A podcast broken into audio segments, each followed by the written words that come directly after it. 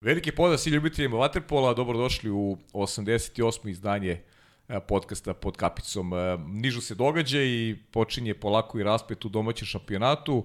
E, očekuju nas i svetsko i evropsko prvenstvo za vaterpoliste, tako da zaista će biti jedno sjajno leto i bit će mnogo tema i trudit ćemo se da kroz ove naše podcaste sve njih onako lepo obradimo i nadamo se u krajnjem slučaju će biti uspeha kada govorimo o reprezentaciji e, Srbije. Ja bih za početak, pre nego što e, predstavim gosta koga smo najavili preko našeg Instagram profila, samo da posjetim na neke važne stvari koji su odigrali tokom prethodne nedelje, pre svega otvaranje bazena u Trebinju, gde su igrali reprezentacije Srbije i Crne Gore. Srbija je slavila 17 destar, mislim da je rezultat svako u drugom planu u odnosu na ono što je neka zostavština, da kažem, i nešto će koristiti deca u Trebinju i okolini eto, nadamo se da će uh, biti i dobrih vatripolista u tom regionu. S druge strane, uh, velika pohvala za vatripolu klub Šabac, uh, klub koji je na prestižnom turniru Tomu Dovičiću u Dubrovniku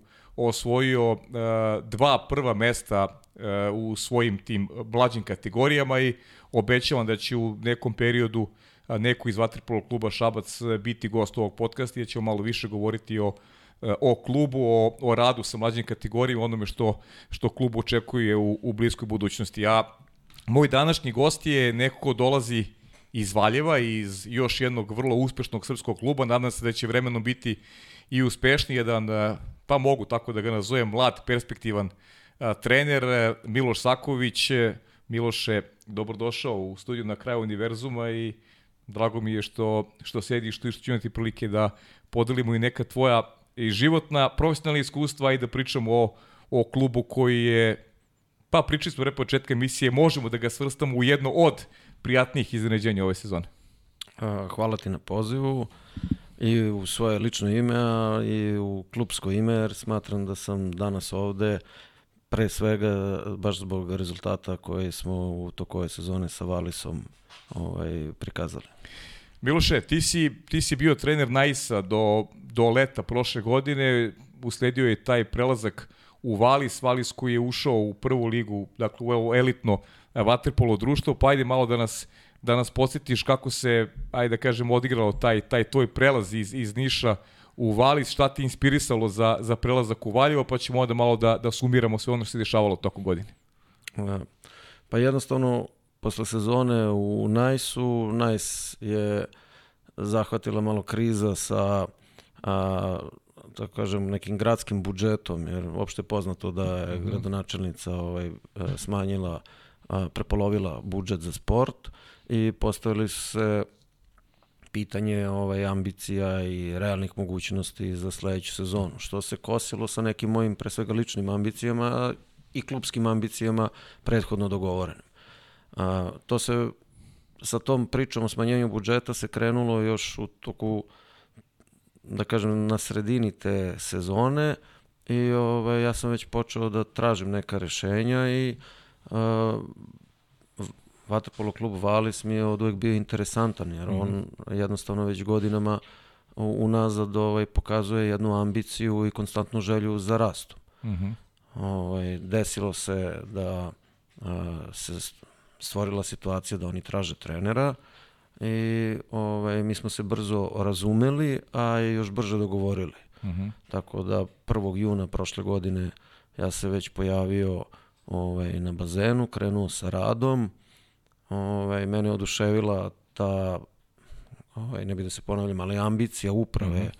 na čelu sa a, doktorom Nebojšem Stojakovićem, pa tu je normalni direktor Sale Simić, Aca Urošević, ne bi nekog da zaboravim, mhm, -huh, ali okay. to sve ljudi, moram da ih spominjem zato što stvarno su ljudi koji su zaslužni ovaj, da godinama unazad taj klub a, konstantno raste.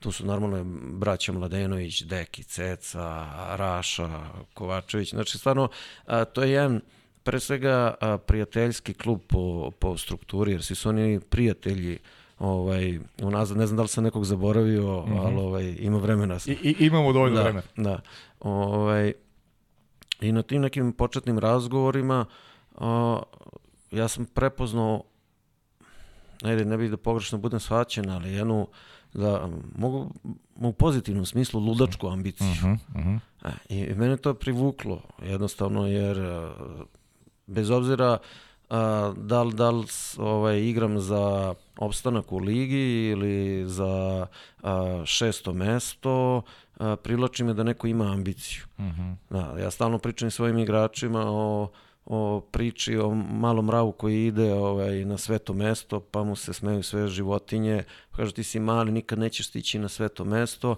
a on kaže, ja sam ja mali, možda neću stići na sveto mesto, ali sam barem na svetom putu. Uh mhm.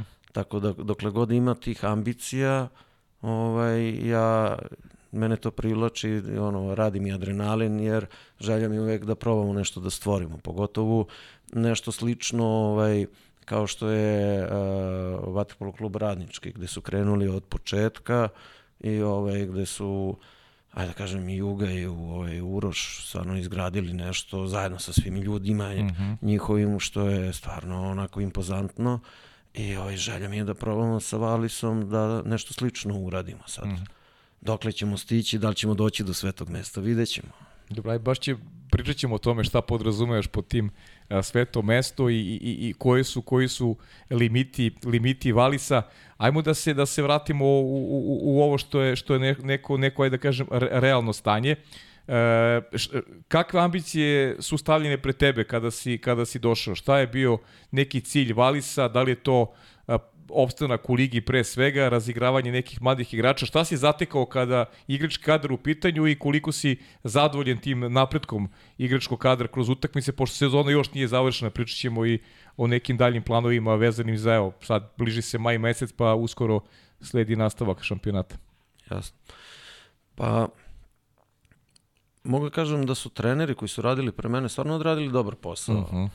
Jednostavno, pre svega ta grupa momaka 2000, da kažem, treće i mlađi, imaju zavidan nivo znanja, ima tu reprezentativaca, ima tu a, i evropskih a, šampiona, a, Aca Kovačević, Pera Stanić, doduše Pera je prešao u Šabac, ali svejedno mm -hmm. i on je ovaj, iz škole Vatrpolo kluba Valisa. Pa sada ne nabrajam dalje, ali ovaj, jednostavno a, to je neka grupa momaka koji su iz vaterpolo a, škole a, Valisa. I moj posao je bio pre svega da ih afirmišem, a dok a, to radim, da probamo da, da oformimo ekipu koja će pokušati da ostvari ambicije i ciljeve kluba. Za prvu sezonu, to jest ovu, bilo je na početku sezone zadat opstanak u ligi. Uh mhm. -huh S druge strane, u regionalnoj ligi, pošto smo debitanti, da budemo u prve četiri. Jer nije to bio previše ambiciozan plan, jer jednostavno odabirom igrača koje smo mi dovodili ovaj, sa strane, već se očekivanja su malo i rasla. Jel? Uh, eto, tako je ispalo da smo stvarno krenuli kako treba. Uh, mislim da je prva utakmica za, za, za mlade ekipe uh, ovaj, pošto ekipa koju ja treniram prose godina je 19. I ovaj, ta prva utakmica u sezoni je dosta značajna. A mi smo igrali protiv direktnog rivala Proletera, gde je Proleter još bio a, glavni rival u prvoj A ligi sezonu pre Valisu. Uh mhm.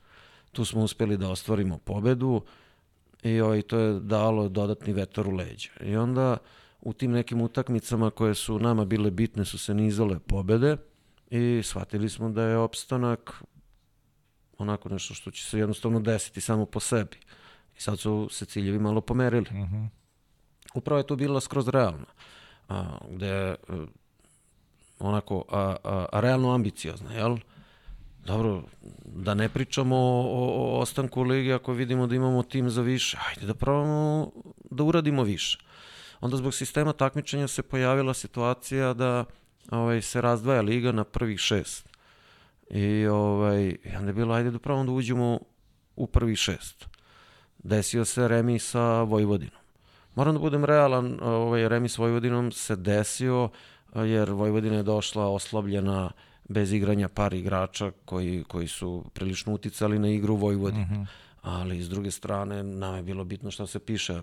Pisali su, pisao se taj jedan bod Tako je. koji je igrao ulogu gde je to dodatno napravilo zanimljivim ovaj, uh, takmičenje jer sad je uticala gola razlika. Mm -hmm. Znači sad više nismo smeli da uđemo ni u meč protiv Partizana, protiv Radničkog, protiv Zvezde, protiv Novog Beograda, protiv Šapca, bez uh, ambicije da prođemo što bolje. Mm -hmm. Jednostavno ovaj, nismo uspeli u, u, u, ovaj, u tom ovaj, a, cilju da probamo da uđemo u prvi šest. Imali smo a, goru gola razliku mm -hmm. od Vojvodine. Mi smo ostali u donjem delu, oni su otišli gore, što se, ja mislim, ispostavilo ovaj, kao dobar potes. Ali slučajno. Ali jednostavno mi smo ostali da igramo utakmice protiv proletera, protiv Najsa i Zemuna, gde su protivnici, ajde da kažemo, a, bliži kvalitetom uh -huh. u ovom trenutku i ostvarili smo dodatne tri pobede i ušli smo sa pobedničkim mentalitetom u razigravanje trećeg turnira regionalne lige. Uh -huh. I to nam je prilično značilo. Jer da smo ostali u onom gornjem delu, ovaj, imali bi utakmice gde u ovom trenutku, aj kažemo neku rezultatsku neizvesnost smo mogli da tražimo možda u jednoj utakmici i ovaj, sigurno bi ušli sa nekim gubitničkim mentalitetom uh Mhm. -huh. u dalji nastavak takmičenja. Da, pa to je, to je negde uslovilo, eto, ta prilika koja je, ajde, mora budemo iskreni, negde i, i, i mimo očekivanja mnogih, da uh, je Valis igrao utakmicu koja mogla da ga odvede u A1 uh, Jadransku ligu. To je taj baraš protiv uh, protiv Šapca, gde ste odigrali sjajno. Prvu utakmicu ste izgubili u samom finišu, ali to su bile negde, ajde, realno egal utakmice. Očigledno da je oba puta je Šabac slavio, očigledno da je kvalitet e, na strani Šabca, da je to i dalje ima prednost Šabac odnosno na Valis, ali mislim da možete budete zadovoljni svi u klubu e, raspletom regionalne lige ove godine. A, pa iskreno, stvarno su, ajde kažem, zadovoljni smo, jel? -hmm. Normalno ostaje žal.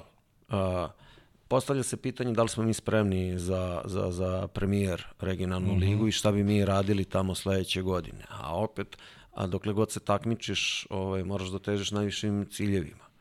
A, bilo bi lepo kad bi moglo sve da se isplanira, ali ne može sve ni da se isplanira, tako da Uh, mi smo probali da pobedimo ovaj Šabac, išli smo sa ono iskrenom ambicijom da da ih mi pobedimo, pa ako se desi da ulazimo u premier ligu, videćemo kakav će rasplet situacije ovaj biti.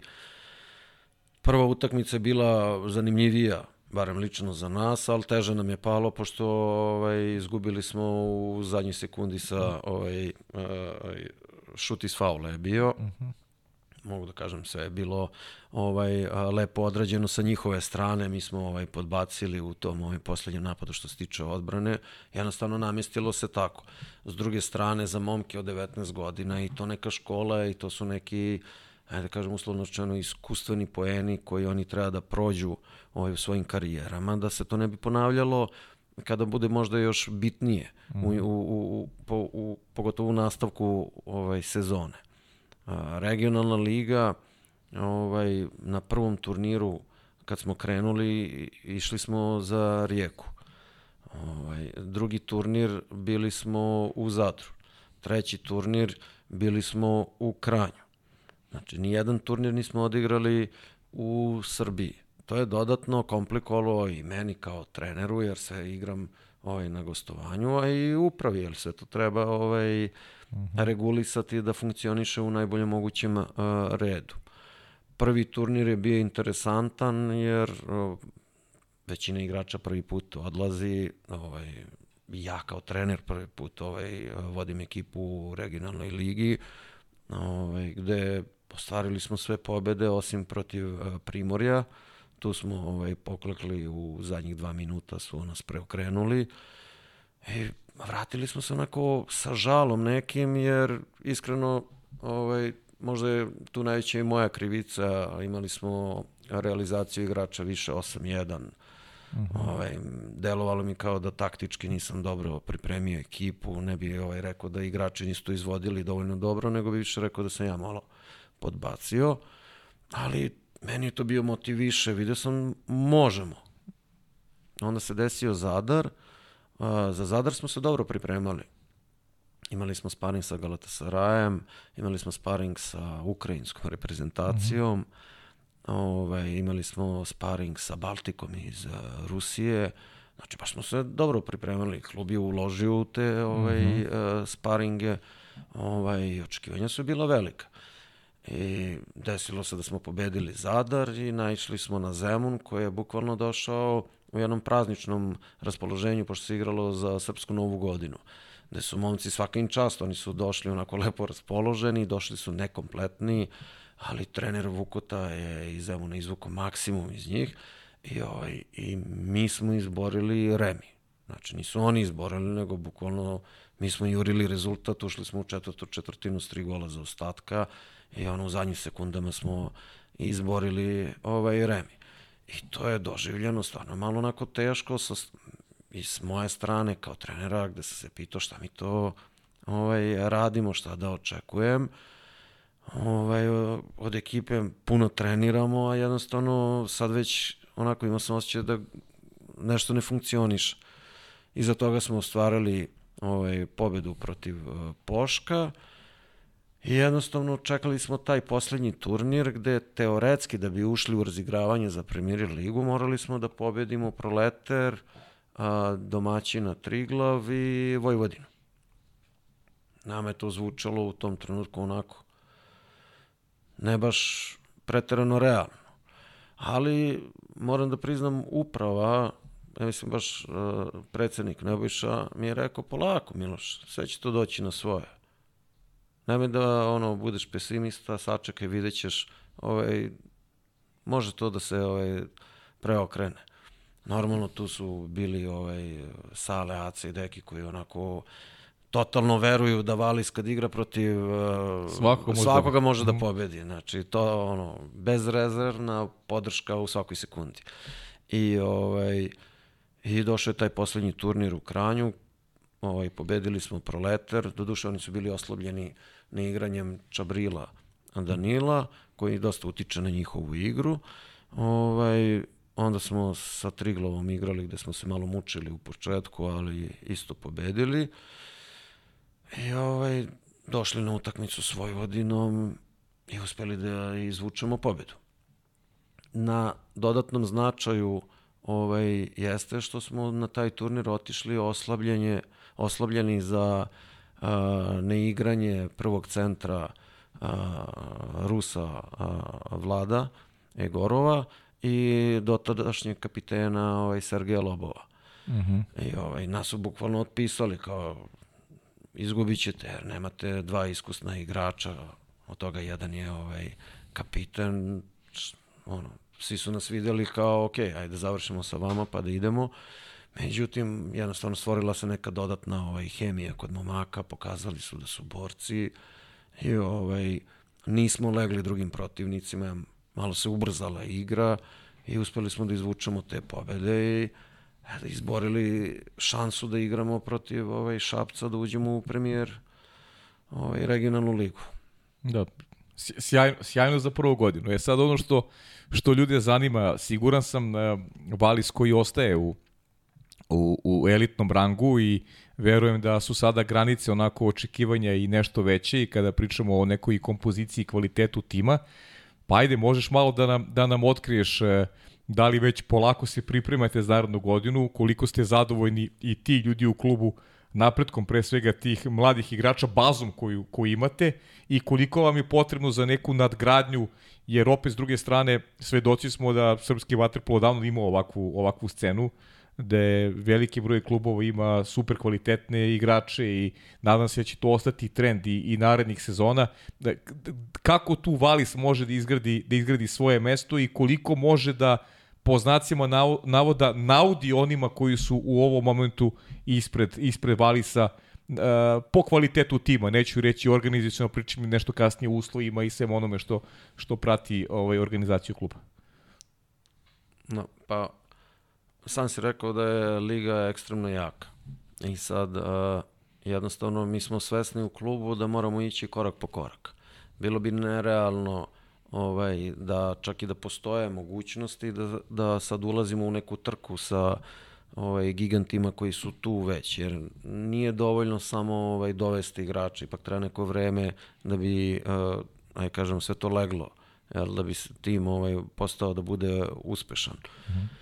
Uh, jednostavno ideja je da u sledećoj sezoni ovaj, bitno zavisi od sistema takmičenja. Priča se malo o, o regionalnom dvokolu, ali još uvek zavisi šta će se i kako će se igrati, ali neka generalna ideja jeste da se sledeće godine osvoji ovaj, regionalna 1 liga i da probamo da ovaj, osvojimo mesto za igranje u Eurokupu.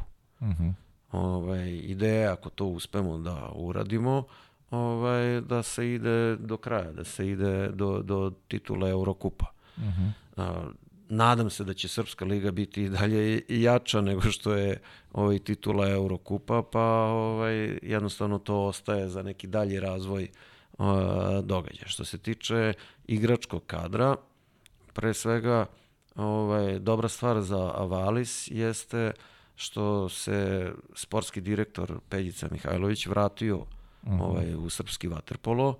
Podsjećam, on je sada zajedno sa Dejanom Savićem kod njega u stručnom ovaj štabu, a ono što je bitno za mene i za Waterpolo klub ovaj Valis jeste što će uzeti aktivno učešće na bazenu. S tim a, je Waterpolo klub Valis zaokružio, da kažemo, neki stručni tim koji treba da sve to iznese. Jer a, nije dovoljno da, da, da budem samo ja da bi došli do, do, do velikih rezultata, potreban je neko i sa više iskustva, neko koji meni može da pomogne, da me usmerava, da me kritikuje ako treba, neko ko ovaj, ima uticaje u ovom sportu, da, da sve to može da iznese zajedno -hmm. sa mnom i sa ostalim trenerima ovaj, koji su u klubu. Igrački kadar normalno uvek zavisi od uh, mogućnosti kluba, od budžeta, uh, ali krenuli smo na vreme. Krenuli smo na vreme, kad kažem krenuli smo na vreme, jednostavno tržište u Srbiji je manje više ovaj poznato i sad ima dosta igrača koji imaju uh, jednogodišnji ugovor. To u suštini kada prođe januar svi ti igrači već lagano gledaju ovaj šta će i gde će igrati sledeće sezone. A, prošle sezone ja sam bio u situaciji da sklapam tim u avgustu, što mi uopšte nije prijalo.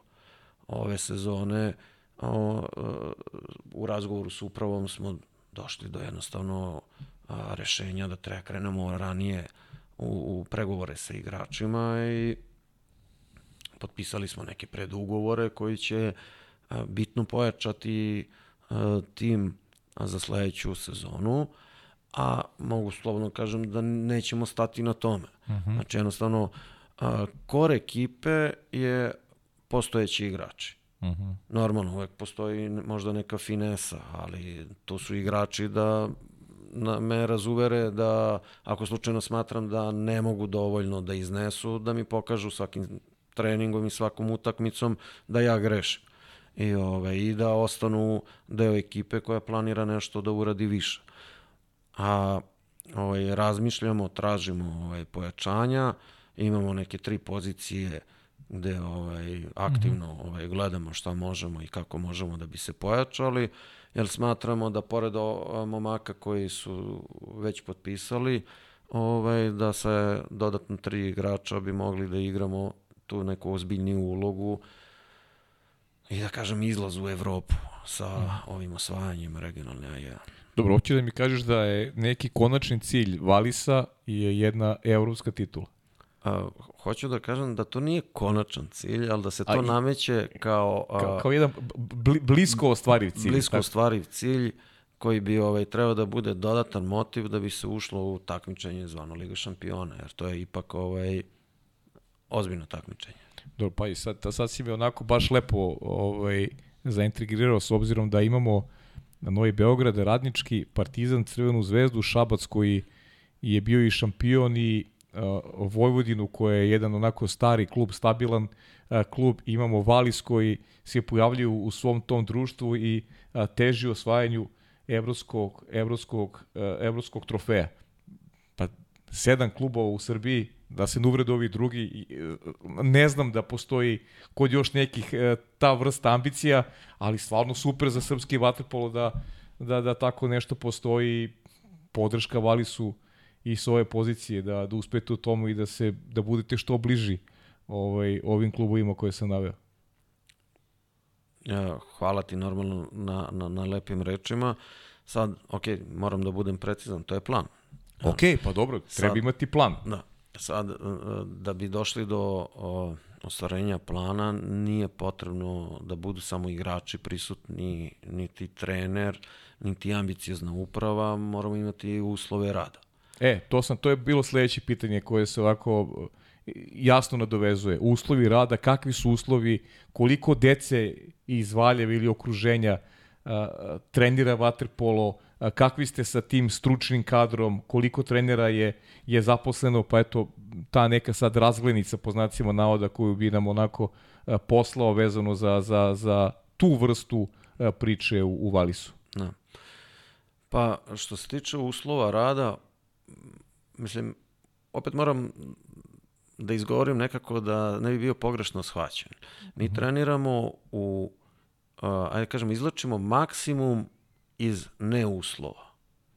Uh, -huh. kad kažem izlačimo, tu stvarno smatram ljude koji vode bazen na petnici, koji nam izlaze u susret maksimalno. Znači, stvarno je tamo uh, sportska atmosfera, uh, direktor Željko Ostojić sa gospodinom Pantom maksimalno se trude, svi, svi zaposleni na, na sportskom centru, da to sve bude a, a, sportski a, nastrojeno, da, da, da imamo, da možemo da ostanemo duže, možemo, izlaze nam u susret, baš maksimalno. Ali to ne menja činjenicu da je to a, bazen pod balonom i da je voda realno hladnija. Uh -huh. A, tako da ljudi čine maksimum, a, zagrevaju koliko mogu, ali jednostavno taj bazen nema sistem grejanja. A, Valjevo je grad koji sad ima dva superligaša, a nema zatvoreni bazen. A, u izgradnji sportske hale nije obuhvaćen projekat a, bazena. A, mi smo putovali, bazen se renovirao, normalno je da se bazen kad tad renovira, uvek mora neko... Tako. A, balon nije stavljen, stavljen je tek a, početkom novembra, septembar, oktobar, putovali smo dva puta dnevno za Lajkovac. Sad, Lajkovac ima zatvoreni bazen, koji je skoro simpatičan bazen, onako nov, a, vaterpolo dimenzija, a, odgovara zadacima, ali mora da se putuje. Mm -hmm. Mora da se putuje ovaj, sat vremena. Da nije bilo prijatelja kluba iz Laste i, i, i uošte uh, predsednika opštine uh, Lajkovac koji nam je izašao u susret kao klubu da nam sve to omogući. Ovaj, pitanje je da li bi uošte Vatrpolo klub Valis nešto ovaj, uradio. Uh, sad trenutno se radi projekat, to jest projekat je urađen, ali se tra, čeka realizacija toplotnih pumpi koje će moći da zagrevaju vodu, jer ta termalna voda stiže, izlazi, izvire na neki 29 stepeni, ali ona dok dođe do bazena, to je 25, 24,5, 25, 2, 3, sad će igrači reći, ne znamo za tih 25, 2, da, 3, da, da, ali, ali ovaj, uh, varira tako i nije dovoljno dobro za maksimalna ostvarenja koje igrač, ali igrač ipak treba da se osjeća prijatno u ambijentu pa, u kome provodi... U, u radnom ambijentu. Jeste, jeste. I ovaj, ja se nadam da će to ovaj, biti realizovano pred početak sledeće zimske mhm. sezone. Sad, pošto se balon skida, ovaj, mi ćemo Vojvodinu dočekati u play-offu opet u Lajkovcu. Mm -hmm. Ove sezone smo odigrali više utakmica u Lajkovcu nego na domaćem terenu u, u Petnici u Valjevu. Mm -hmm. a, to stvarno komplikuje. Mislim, zato kažem, izločimo maksimum iz neuslova. I sad, a, tu dugujemo ovaj, stvarno veliku zahvalnost, pre svega toj deci i roditeljima, ovaj, igračima prve ekipe, koji sve to stvarno onako podnose u jednom sportskom duhu, ono, nema, nema neke dodatne nervoze, ono, i oni znaju da razlikuju šta je dobro, šta je loše, ali jednostavno prihvataju to kao činjenično stanje. Ok, mi smo deo ovaj Valisa, u Valisu je trenutno tako i dajemo sve od sebe da ovaj da budemo što bolji u timu. Mm -hmm. Ovaj uslovima. Ovaj uprava stvarno sve čini da sa gradskim vlastima dođe do ovaj mogućnosti da ovaj se izgradi zatvoreni bazen. Da li će se to desiti? Mislim, da li, desit će se. Samo kada će se to desiti, ja se nadam što pre. Pa bilo bi sjajno, pogotovo što je to, ja nisam ni znao podatak, recimo do, do skora da u stvari Valjevo samo u Vaterpolu ima dva superligaša. Da. To je jedini sport u kome Valjevo ima dva superligaša. Jest. I nekako, nekako Valjevo postaje grad Vaterpola. Još sa tim ambicijama koji si naveo, pa ja mislim da to mora da, da, se, da se reaguje što pre, da, da, da se taj problem reši, problem bazena ne bavim se, da kažem, politikom ne, ili, ne bavim se ni da, ja, da, prosto... i sportskom politikom, ali jednostavno ono, mislim da i, i Savez i a, svi ovaj ljudi u sportu ovaj ako mogu treba da daju svoj doprinos uticajem jel da Valjevo dobije bazen jer stvarno zas, zaslužuje. Mm -hmm. Podsećam, to je grad sa a, realno neki 60.000 stanovnika, dva superligaša, jedini superligaši su iz uh, Waterpola, bez obzira da što nisu ovaj konkurenti za titulu, ovaj ambicija i rezultati su već prisutni. Pa i ta konkurentnost za titulu dolazi iz uslova, mora da imaš uslove da bi se borio za, za titulu. Ja kao najveću prepreku da bi mi rasli ovaj, eh, dalje vidim baš uslove rada. Uh mhm. -huh. Jer u, igrači moraju da budu u dobrom ambijentu, moraju da postoji dovoljan broj sati, a, iskreno, ja sam a, kao trener jako zabrinut za nastavak a, play-offa jer već su mi igrači ispali iz ritma, već uh, sinoć sam se vratio sa sparinga prilično uh, zabrinut, jer već mi to ne deluje uh, onako kako inače može da, da bude, jer mi se sad vozimo opet, idemo za Lajkovac dva puta dnevno, igrači se vraćaju iza ponoći, a, bez obzira kažem, a, stvarno dugujem zahvalnost i našoj upravi i, i, i svim ljudima na bazenu i a, gradskoj i opštinskoj upravi, oni, kao što sam rekao, iz jednih neuslova izloče maksimum da bi mi mogli da budemo ovde gde jesmo, ali objektivno mora da postoji bazen, zatvoreni bazen, kao naša kuća gde ćemo se osjećati kao kod kuće i onda može da se ovaj, ide skroz do samog kraja. I pritom sad pričamo o prvom timu i nadovezuje se sad ono moje drugi deo istog pitanja vezan za tu valjevsku decu i decu iz okruženja koja treba da se zainteresuju na, za vaterpolo, a negde se odgovor krije o ovome što si malo pre rekao, dakle, potrebni su uslovi da bi, da bi ta deca požela da se bave da se bave vaterpolom, a isto tako i ta trenerska struka, ovaj, koliko tu trenera ima koji se, koji se bave decom i eto koliko sad Valis trenutno broji članova kada govorimo o tim mlađim kategorijama, a siguran sam a, da bi ih bilo više da, da postoje uslovi za rad adekvatni. Da. Ili oni putuju u Lekovac na, na, na, na, na treninge i... Da, da. To, to, mislim, sad dolazi na ne više organizacione sposobnosti uprave, nego to mu dođe u dome neke alhemije, a, gde a, u okviru škole Waterpola ovaj, trenutno imamo negde oko 80 članova. To je uprava uspela ovaj, da, da, da organizuje i koristimo mali bazenčić u okviru ovaj, tehničke škole u Valjevu, gde ne mogu da kažem, tu su uslovi korektni. Mm -hmm. I tu imamo ovaj, tri trenera koji ovaj, rade aktivno sa, sa njima, Peđico, Aca i Nemanja, oni ih obučavaju i ovaj, pripremaju da pređu baš na vaterpolo.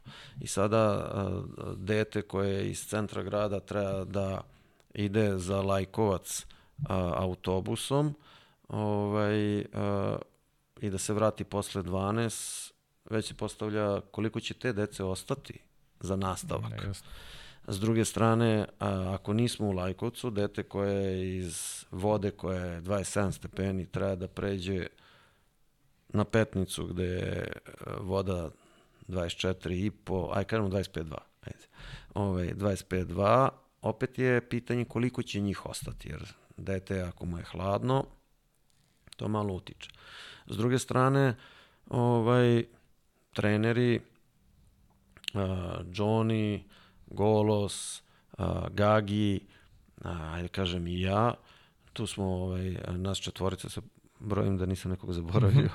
ovaj, a, pokušavamo da izvučemo maksimum iz te dece.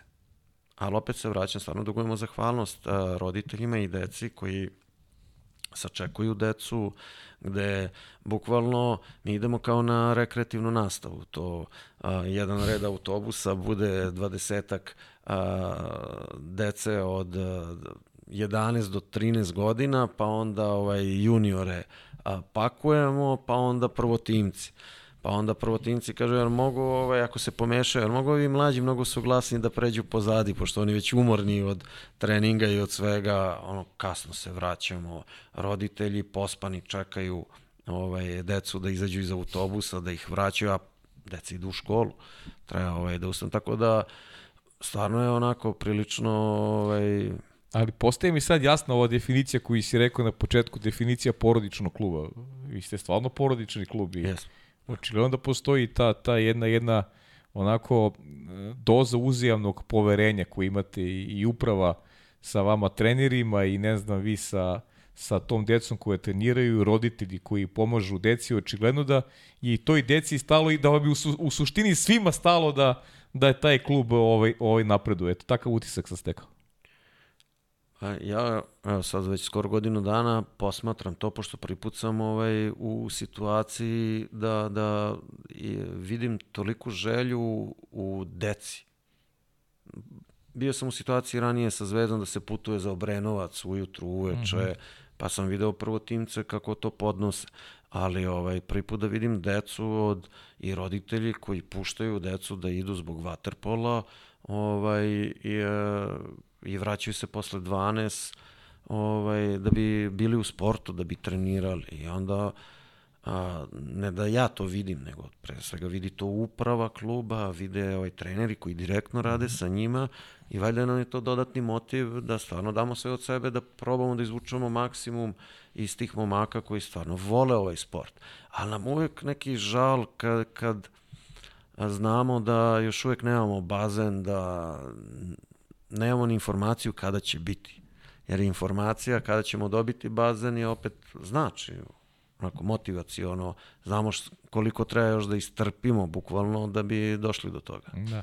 Da šta, jedna od stvari koja je meni inspirisala za, za realizaciju ovakve emisije je što uh, sam stvarno onako odušenje fasciniram uh, vama i vaterpolistima i, i ljudima koji se bave ovim sportom što e, ovako pro, konačan proizvod je uvek fenomenalan, a konstantno postoji neko ali. Uvek nešto fali. Uvek ima neki neki problem koji nije mali, naprotiv. Prilično je veliki i negde kočite u realizaciji onoga što e, što su ti planovi. U krajnjem slučaju pokušavam sebe da stavim u poziciju te dece koja sa 11 godina treba putuju konstantno na treninge, koje hoće sebe sportski da ostvare. Pa ljudi, da li, da li treba bolji apel da se nešto uredi da Valjevo konačno dobije bazen? U konkretnom slučaju Valjeva sada, a ne razlikuju se ni, ni drugi primjeri previše. Pa ono čuveno, to malo što fali, jel? Da. Nemojte se reći kvari. Sreći kvari, da. da. da. Pa eto, nama, meni kao treneru ne ostaje ništa nego da apelujem gde god mogu i zato ovaj, je jako bitno za waterpolo, pre svega ovo što si ti pokrenuo, to, to je onako impozantno jer ima odjeka ne samo u Srbiji nego i u regionu. A jednostavno jedino tako može se čuti glas. Mm. Ovaj, da nešto treba možda na bolje da se promeni i, i još jednom ti se zahvaljujem ono, i sve lično i u ime kluba na pozivu. Da, hvala, hvala tebi, hvala tebi na dolasku i što možemo da podelimo ovu valjevsku priču, vrlo pozitivnu i lepu i znam koliko vas i drugi vrednuju u, u, u tom pravcu koji ste, koji ste zacrtali. Pa ja bih pre nego što se ovaj vratimo, posvetimo malo tebi sada i nekom tvom stasavanju u trenerskom, da mi kaže samo kako, eto, šta očekuješ te završice sezone, bilo je pitanje šta očekuješ tih play-off duela sa, sa Vojvodinom i kako vidiš završnicu iz perspektive borbe za, za šampionsku titulu, pa ćemo onda kasnije kroz emisiju malo da pričamo i tim nekim repestivnim akcijama. Hmm, da. Pa što se tiče uh, naših utakmica protiv Vojvodine, mi ćemo pokušati ovaj, da, da, da pobedimo. Mislim, bilo šta reći drugo je ovaj, neprofesionalno. Ovaj, ja i dalje smatram da je Vojvodina favorit, bez obzira što smo u dva duela jednom igrali nerešeno, jednom mi pobedili u regionalnoj ligi. Smatram da je to ovaj, i dalje mi treba da radimo da bi prestigli taj nivo. Uh mhm. -huh. Mi ćemo probati da iskoristimo ovaj, ajde da kažemo, možda a, poziciju ako oni nisu u formi, a ovaj, da li ćemo uspeti, vidjet ćemo. Kažem, prilično sam zabrinut jer nije mi se svidelo šta sam video na, u okviru svoje, svoje, svoje ekipe ovaj, ovaj, poslednjih par dana, ali jednostavno kada krene utakmica mislim da je sve to nebitno i isto tako smatram da i kolega sa suprotne strane razmišlja. Mm. Ovaj, mislim da će biti zanimljive utakmice. Da li za Valis to nešto presudno znači, u ovom trenutku ne. Ali ja mislim da je dobar motiv za moje igrače ka izgradnji nekog daljeg i jačeg tima, uh mhm. -huh. da shvate da je ovo stvarno utakmica koja bi krunisala ovu ovaj karijeru. Bez obzira što je to utakmica koja te stavlja da li si šesti ili sedmi. Ovaj, jednostavno, a, ako hoćemo da izgradimo nešto, moramo da svakoj utakmici pristupamo kao da je ovaj finale. Uh -huh, uh -huh. Ako se ako uspemo da ostvarimo te ovaj, dve pobede, to će nas staviti u poziciju da igramo protiv Crvene zvezde. To je već utakmica za peto mesto. Da li bi bilo realno da ja pričam ovaj, o tome kako ako pobedimo Vojvodinu možemo da pobedimo Zvezdu, ne bi bilo realno ali sport je nešto gde se stalno događa, događaju nerealne stvari. Piti I to je lepota, lepota sporta. Piti kolegi i Šapsa koliko je to realno. Eto. Tako da, ovaj, da li uh, uh, mislim da će se to desiti? Pa ne znam. Uvek je na, ja kažem, ako je neko bolji, nek mi objasni na utakmici da je bolji, ja ću da čestitam, otići u kući, ovaj, da se odmorim i da radim još više, da pravam da ga pobedim sledeći put. Uh, ne patimo od imena, ovaj, bez obzira da li se igra protiv velikana ovog sporta ili protiv nekog drugog, mi treba da gledamo sebe jer smo još uvek u stvaranju ovaj, pobjedničke ekipe. Uh mhm. -huh. e, kaži mi samo, ajde, malo pe smo načeli tu temu, e, dakle, onako imaš ti u svojoj glavi roster za sledeću godinu, nemoj da pričaš o imenima, nego da li si negde u svojoj glavi sastavio uh, roster za sledeću godinu? Mm, jesam sa varijantama A, B i C. A, B i C, aha. Da. Toga mora bude, varijanti A, B i C. Mora, mora, mora definitivno da bude. Najčešće ima i ona četvrta varijanta, to je XY, ovo je ono šta se desi, desi, jer A, B i C mhm. nisi uspeo, ali ovaj, nikad se ne zna. Tako da imam, imam u, u glavi roster, imam ovaj, uh, uvek neke igrače koje u odnosu na mogućnosti kluba, jel? Koje, koji, koji su ovaj, uvek a, pod varijantom realni da se dovedu ili pregovara sa njima i ovaj, probat ćemo, probat ćemo mhm. sve. Mene to raduje što posle dugo, dugo godina imam ovaj, upravu koja stvarno grize da se nešto uradi na bolje. Čak i ono, ako se ja uspavam na, na desetak dana, oni me probude, ej, moramo, hoćemo, možemo. To je sjajno. I to stvarno uliva dodatnu onako energiju, pritisak, adrenalin i jednostavno terate da, da, da daš sve od sebe. Imam i za ideju da, da počeo dolaze u podcast i malo ljudi koji su upravo zaduženi za rukovođenje klubom, tako da ćemo ostaviti za njih neka pitanja. Ja bih ti još jedno samo za kraj ovog, ovog segmenta ovali su, neće ti terati da odgovori, znam koliko je to nezahvalno kada, kada pitam trenere, uh, ko, da li ima nekih, nekih igrača koji bi izdvojio i, i prosto rekao, aha, to su momci na koje treba da obratite pažnju svi vi koji pratite Waterpolo, a možda niste imali dovoljno prilika da, da se upoznate sa Valisom. Ali kažete, neću ti terati da odgovaraš, jer znam da je to vrlo nezahvalno pitati trenera. Ja mislim da nema ni potrebe da, okay, da, da odgovaram, okay. zato što uh, momci na koje treba da se obrati pažnja u smislu da ih uh, da su svojim, ajde kažem, dodatnim trudom malo skrenuli pažnju na sebe, već su na meti većih klubova.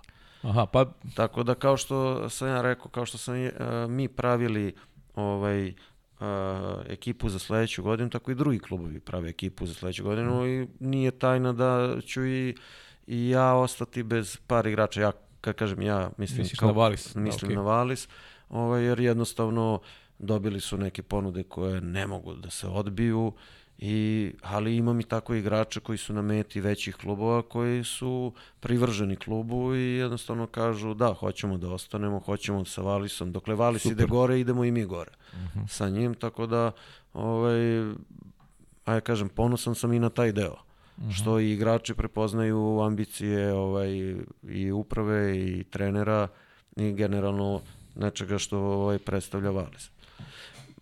Hteo bi još da, da, da kažem, Ovaj, ok, ovo je sve bila priča o, o, o, o prvom timu, ali uh, mojim dolaskom probali smo da zaokružimo taj rad sa mlađim kategorijama, jer prvi tim je prvi tim, mlađe kategorije su kor kluba. Ovaj, ako nema ovaj, a, a, tu napretka, onda postavlja se stvarno, mislim, postavit će se pitanje za par godina šta mi to radimo, jel? Ove, ovaj, I tu prava je stvarno, mislim, eto, malo spleti okolnosti, a i želja uprave, ovaj, povratak Peđice Mihajlovića stvarno će, ja mislim, unaprediti ovaj stručni rad ovaj, na svim nivoima. A, ja sam insistirao da Dragan Milošević, koji mi je bio igrač kapiten u, u Najsu, a već je malo imao dodira sa trenerskim poslom dok sam ja bio u Najsu, da dođe.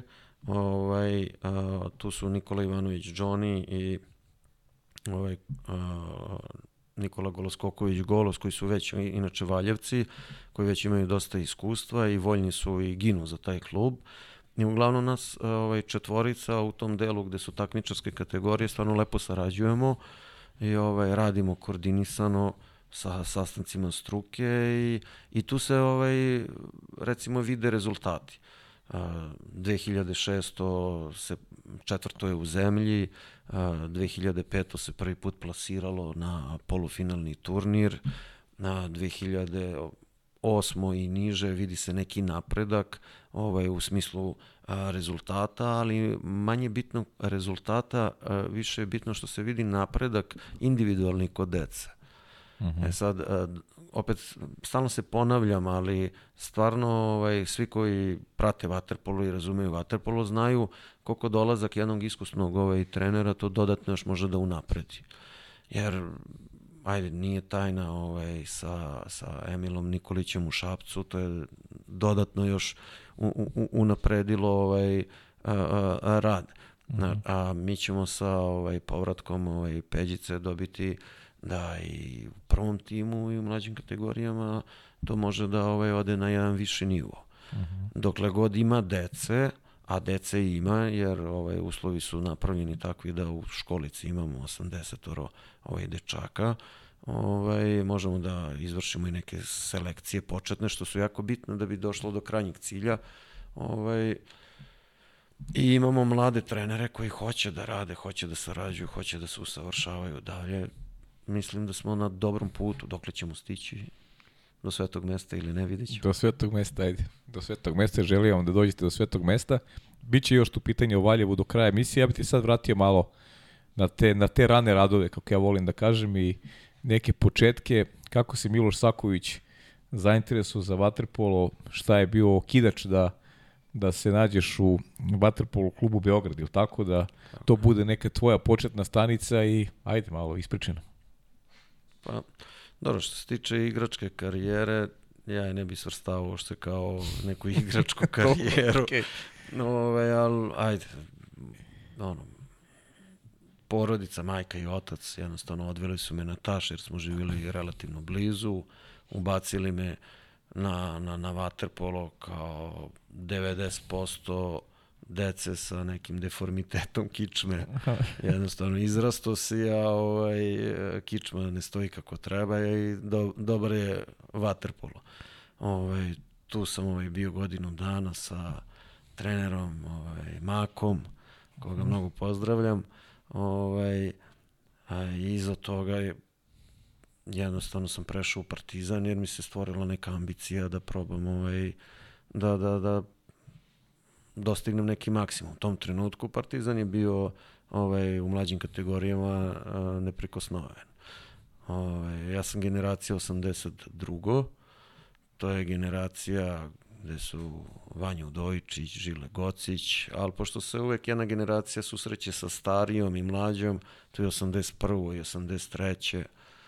Znači, evo se. Da, eto, to je ovaj slika, ja kažem, ova slika je eto, zanimljiva što tu imamo najboljeg igrača sveta, Vanju Dojičić, imamo olimpijskog šampiona Žileta Gocića, imamo par selektora, tu je Uroš, ovaj, Stevanović, tu je Dejan Milaković, ima i par trenera, eto, Đole Filipović, ovaj, trener Mitrić, ovaj, Nebojša, imamo uh, funkcionera u Lenu, Dejan Perišić, da, ajde, tu sam i ja, ovaj, tu imamo stvarno par momaka sa te slike, neki su ovaj, u Americi uspešni, neki imaju svoje privatne firme, stvarno jednostavno iz te generacije, kad bi tu pridao do ove 82.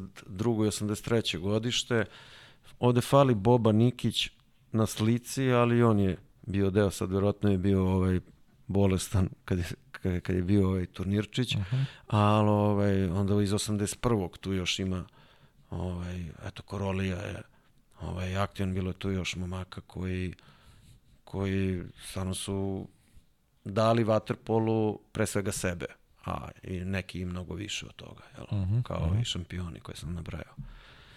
Mi uspešni ovaj, selektori. Ja uh, u Partizanu sam proveo te neke godine, ne tu sad dugo da se priča da, čemu, mislim, okay. trener mi je bio Nena Manojlović, on je ovaj, ostavio uticaj na mene puno, ja se povredio jednostavno, a i da se nisam povredio ne bi dotako ovaj, te vrhunske... Nisi mogao banju da ugroziš, nisi? nisam. Mislim, da, da, da, da, da, da ne pričam ovaj, lažno, nisam. Ovaj, eto, ja sam imao sreću da sam ovaj, izrastao možda prvi, u to vreme sam bio eto, zanimljiv ovaj, trenerima, međutim oni su pokazali svi nešto mnogo više ovaj, od toga i sve to tamo gde i treba da bude, mislim. Uh, Partizan je tada imao stvarno surovu selekciju, znači jednostavno ko to može da isprati, isprati, a ko isprati obično neki olimpijski šampion ili najbolji da, igrač da, da. sveta. Ovaj, iza toga ovaj, Nena mi je sugerisao o, možda bi voleo da budeš trener, idi malo studiraj, ono, sačekaj još koju godinu, odigraj vaterpolo na nižem nivou. Ja se vratio u vaterpolo klub Beograd, imao dogovor sa Radetom Ugušom, ajde kao ja ću da se vratim, ako uspemo da uvedemo Beograd u ovaj, uh -huh. uh, u prvu ligu, u prvu ligu uh, da budem trener. I uh -huh. tako je bilo. Jednostavno ušli smo u prvu ligu, to mi je bila eto sezona koju sam ona, kao seniorska sezona koju sam igrao, ovaj, iz te ekipe sam ono, imam dosta prijatelja i mogu kažem kumova i postao sam trener. Uh mhm. -huh. Eto, I jednostavno o trenerskoj karijeri mogu da pričam mnogo duže nego da. ovaj da. igračko, jer sam jako rano postao kao a, postao trener, to je bila, mislim, 2002. godina. Ja, ali znaš šta me zanima sad, pošto si, pošto si ti trener jako dugo, da li si tada mogao kao, kao klinac da, da negde e, e, spoznaš i da kažeš, aha, vidi go ovaj Vanja, stvarno može da bude da bude veliki igrač i, i ima nešto više u odnosu na, na nas drugu decu. Da li uopšte može dete da, da dobaci toliko da, da, da, da prosto prihvati ili da bude negde svesno da je neko, da je neko bolji od njega? Pa, ja, ja se povredio sa 17 godina i sad to je već bio period kad nismo baš deca, jel? Onako već smo, okay. svi, o, svi smo dobijali šansu da treniramo malo s prvom ekipom, treneri prve ekipe nas probaju da vide da li neko može ili ne može.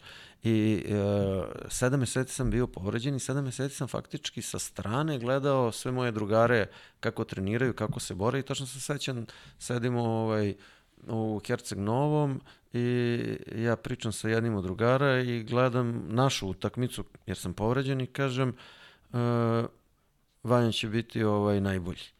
Mhm. -huh. Jer uh, nije se, ili nismo obraćali, jel, svako gleda sebe kao deca, nisu baš ni svesne okoline toliko, mhm. -huh. ovaj, nego su svesni ovaj, uh, više sebe. Ali kad, kad, kad sam gledao sa strane, nekako sam gledao taj, i, i dok sam to gledao sa strane, tad mi se je već javljalo, ja voleo bi da budem trener. Aha. Voleo bi da budem trener. I, i nekako kod Vanje se videlo, eto. Kod Vanje se stvarno videlo, mislim ja sam barem video, sećam se baš, ovaj, sad si me podsjetio, ali sećam se svog komentara, Vanja će biti najbolji, jer e, imao je tu neku borbenost u sebi, ovaj, on nije bio uvek, o, nije bio prvo da kažem, veliki i jak mm -hmm. u mhm. startu svoje karijere, nego je bio sitniji od drugih, ali je bio dosta borbeni srčan i onda je ovaj kao jedan onako srčan momak i protiv jačih i dok ga drugi bio, on nije stajao, igrao, igrao, igrao i to je onako baš vi, vidi se, mm -hmm. vidi se, već to ovaj uzrast gde se videlo.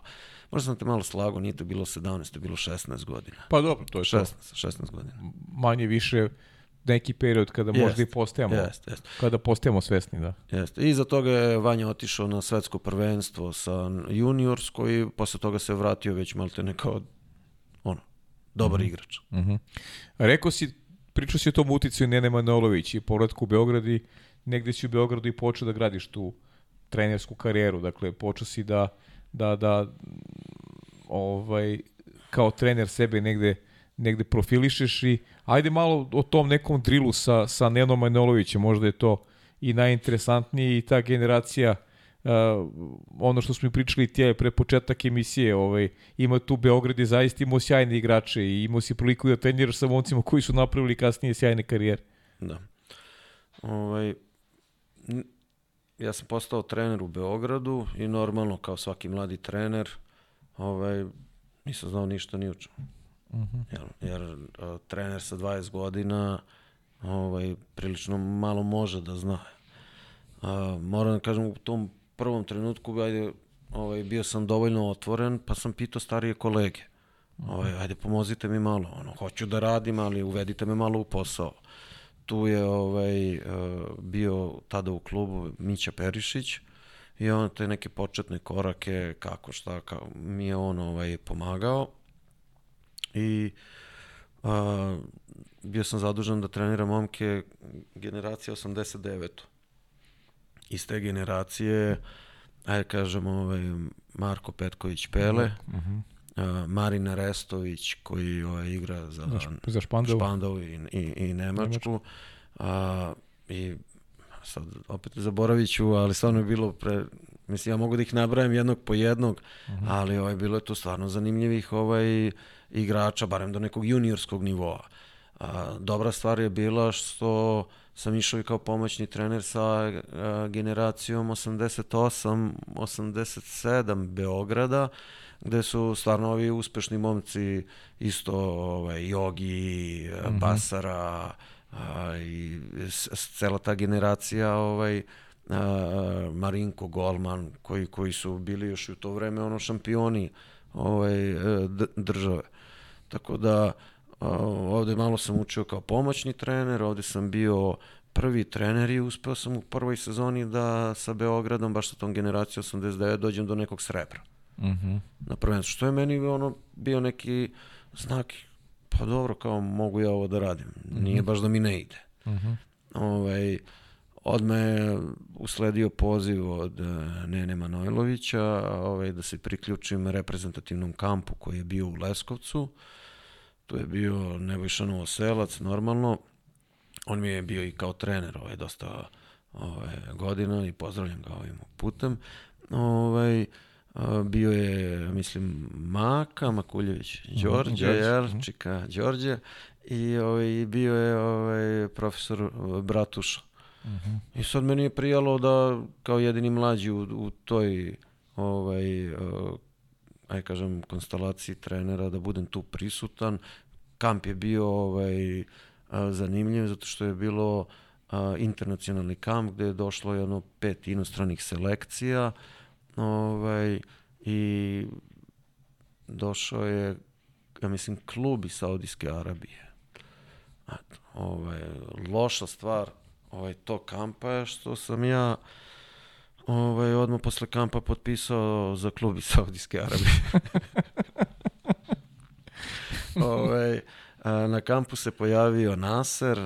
Naser je legenda ovaj, Waterpola, generalno ovaj, čovek koji je mnogo igrača sa ovih prostora. Da, upoznao sam čoveka. Jest, jest. Uh mhm. -huh. I, ovaj, I Naser ovaj, se na tom kampu, aj kažem, združio sa mnom ovaj, i pitao me da li bi bio voljan da dođem da radim sa ovaj, mlađim kategorijama u njegovom klubu. Ja kao mlad trener, a, misleći da normalno sve već znam, jel, bio sam drugi u, ovaj, u prvoj sezoni, da, da. Ovaj, ne tu više ko šta meni da objašnjava, ja, idem ja internacionalno već da se razvijam, odlazim u Saudijsku Arabiju, sećam se ovaj, da ono, i otac i majka onako u čudu, šta ćeš tamo? Međutim, oni smo i stvarno bili uvek podrška i ono... A si se savjetovao s nekim ili si prosto, ti si rešio, ideš i... Pa, ja sam imao taj problem što nisam imao ovaj, uh, mentora koji bi mi rekao, stani, čekaj. Gde si pošao polako? Gde si pošao, ćuti, nemoj pričati, nemoj mhm. biti, spusti malo ego, a, nemoj izigravati neku veličinu, daj mm -hmm. budi malo onako u skladu sa godinama, mm -hmm. pusti vreme da odradi svoje, nego sam nekako sam išao kroz to i onda kao mm -hmm. svaki ovaj, mlad čovjek a, bez pravog saveta, jednostavno sve ja znam. Impulsivnije malo. Jeste, mm. impulsivnije i ovaj donosio te neke odluke. Ne, ja sam saopštio odluku idem ja u Saudijsku Arabiju. Sad ono, porodica na kraju šta će? Ono, otac i majka kažu, dobro, ajde, ono, čuvaj se. Mhm. ovaj, uh, zvao me Nebojša, ovaj, Novoselac, on mi je rekao, ajde, ne znam da li je bio savet ili više bilo nešto drugo, sa ono jesi normalan i da. ovaj, i da nekam ubićete nena i, i ovaj, a rekao, pa ja sam već potpisao. Mm -hmm. ovaj, ajde, olakšavajući okolnost, uh, tamo je ovaj, o, o, isto išao moj uh, uh, trener iz uh, Beograda, uh mhm. -huh. kao trener prve ekipe, pa kao uh mhm. -huh. bilo nas je dvojica, da, Šaca ovaj, je, je bio tamo i potpisao sam na četiri godine, onako. Ne znam da, šta, da. ja to dugoročno odmah, četiri da, da. godine, posle osam meseci sam se vratio. I to ne baš popularno, ovaj, Šaca se vratio u Crvenu zvezdu. Ovaj, nije mogao više ni da ovaj, izdrži tamo i Ovaj... Pa šta, šta, šta, ti, šta ti je falo tamo? To je jedan amaterizam, pre, prepostavljam da nešto, nešto što je onako popularno se kosi sa onim što si što da. si učio sve ove godine. I koliko dece uopšte i treniralo. Ja znam da tamo i trenizi nisu ni redovni, ni svašta nešto. Pa, ružno će da zvuče, ali sve mi je falilo. Sve ta, ta, jednostavno, uh, ja sam otišao jednostavno srećan što negde idem. Uh mhm. -huh. Onda ovaj, uh, došao sam tamo. Onda... U tvojoj glavi je to bila potvrda neka tvog rada. Tako je. Neko ti je, tako. u ranoj fazi ti je dao neku potvrdu da, da ti vrediš. Jeste, jeste. I sada isto gledam ovaj, dosta trenera koji odlaze ovaj, uh, tako rano misleći da rade nešto dobro. Ne kažem, nekome to i jeste dobro, jel? Mm -hmm, Jer nekome okay. su drugačije ambicije, pa samo odlazak, pa Naravno. pa gleda preko vaterpola da se snađe nešto drugo, pa napravi sebi da mu bude dobro. Yes. Ali oni koji žele da se bave ovaj, stvarno ovim a, poslom, ovaj, a, a, da probaju, ajde da kažemo, do kraja, to je u Srbiji. Mm -hmm. Znači, kroz Srbiju treba da traži afirmaciju ovaj, treba da da vremena sebi ovaj, da bi probao da a, ide, ide, ide preko. Ovaj, uh, treninzi nisu bili redovni, deca su prilično bila nezainteresovana i odjedan put ja sam bio u ulozi da treba da budem animator. A ja sam užasno loš animator. Znači ja mogu da animiram nekog da od 100% dođe do 120%.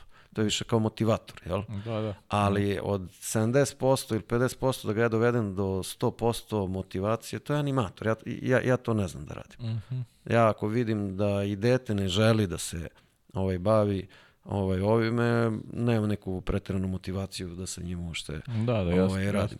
I Moraš da imaš povratnu informaciju. to je to. Mm. E, I ovaj, život je bio tada prilično težak, bez bioskopa, bez, uh, uh, ajde ja sam mlad momak u to vreme, ovaj, bez kontakta sa devojkama, tamo je ovaj, prilično to sve bilo zatvoreno, u kafiću se sede odvojeno muškarci, odvojeno porodice, mhm, mhm. ovaj, po tržnim centrima možda ih gledaš u oči i oni tebe. Ono, jedini kontakt uh, socijalni je u liftu Mhm. ovaj, tržnog centra i onda tamo guraju papiriće ovaj, sa brojem telefona i ako slučajno pozoveš u pogrešno vreme, možda će familija ovaj, da je kamenuje. Tako da ovaj, sve mi je falilo, Nasr je stvarno bio maksimalno korektan. Da, ovaj, da, Nasir je takav čovjek. Da. Jest, jest. Znači, šta ti je, ja kažem sve mi fali, on kaže ajde idemo, odvedete u neki golden compound gde je svega ima u, u suštini gde možeš se provedeš kao da si van Saudijske Arabije, ali to je ono samo za ovaj odabrane ljude ovaj, i njihove goste. I ja sam mu rekao ovaj, iskreno ono, baš mi je teško ono, razmišljam ovaj, da se vratim, on je rekao nemoj, ja sam mu rekao idem na odmor, došao ovaj kući i možda malo i nekorektno, ali javio sam mu Nasr, gledaj, ne mogu da se vratim, stvarno mi ne ide, ono, i on je rekao, dobro, ajde, razumem. Mm. Jer već se okrenuo i on je pravio planove, ovaj, pošto Šaca se isto vratio, sad i ja, već je pravio neke druge planove. E, kasnije se Saudijska Arabija otvorila ono, dosta, ovaj, što se kaže, e, dobili su bioskop. Dobili su bioskop. dobili su bioskop. Tako da, ovaj, al, šalim se, ne, ali posle postalo se, dok u compoundu je druga priča, to je evropski stil življenja, ali si zatvoren u compoundu, a Da. ovaj, tu je onda prilično ovaj, sve kako treba. Ali jednostavno ja sam bio u tim uslovima, vratio sam se i kao povratak je bio prilično ono kao šta sad. Ono, sramota me je bilo da okrenem Nenu. Sad, sad će se da sam zvao Nebojšu ovaj, Novoselca.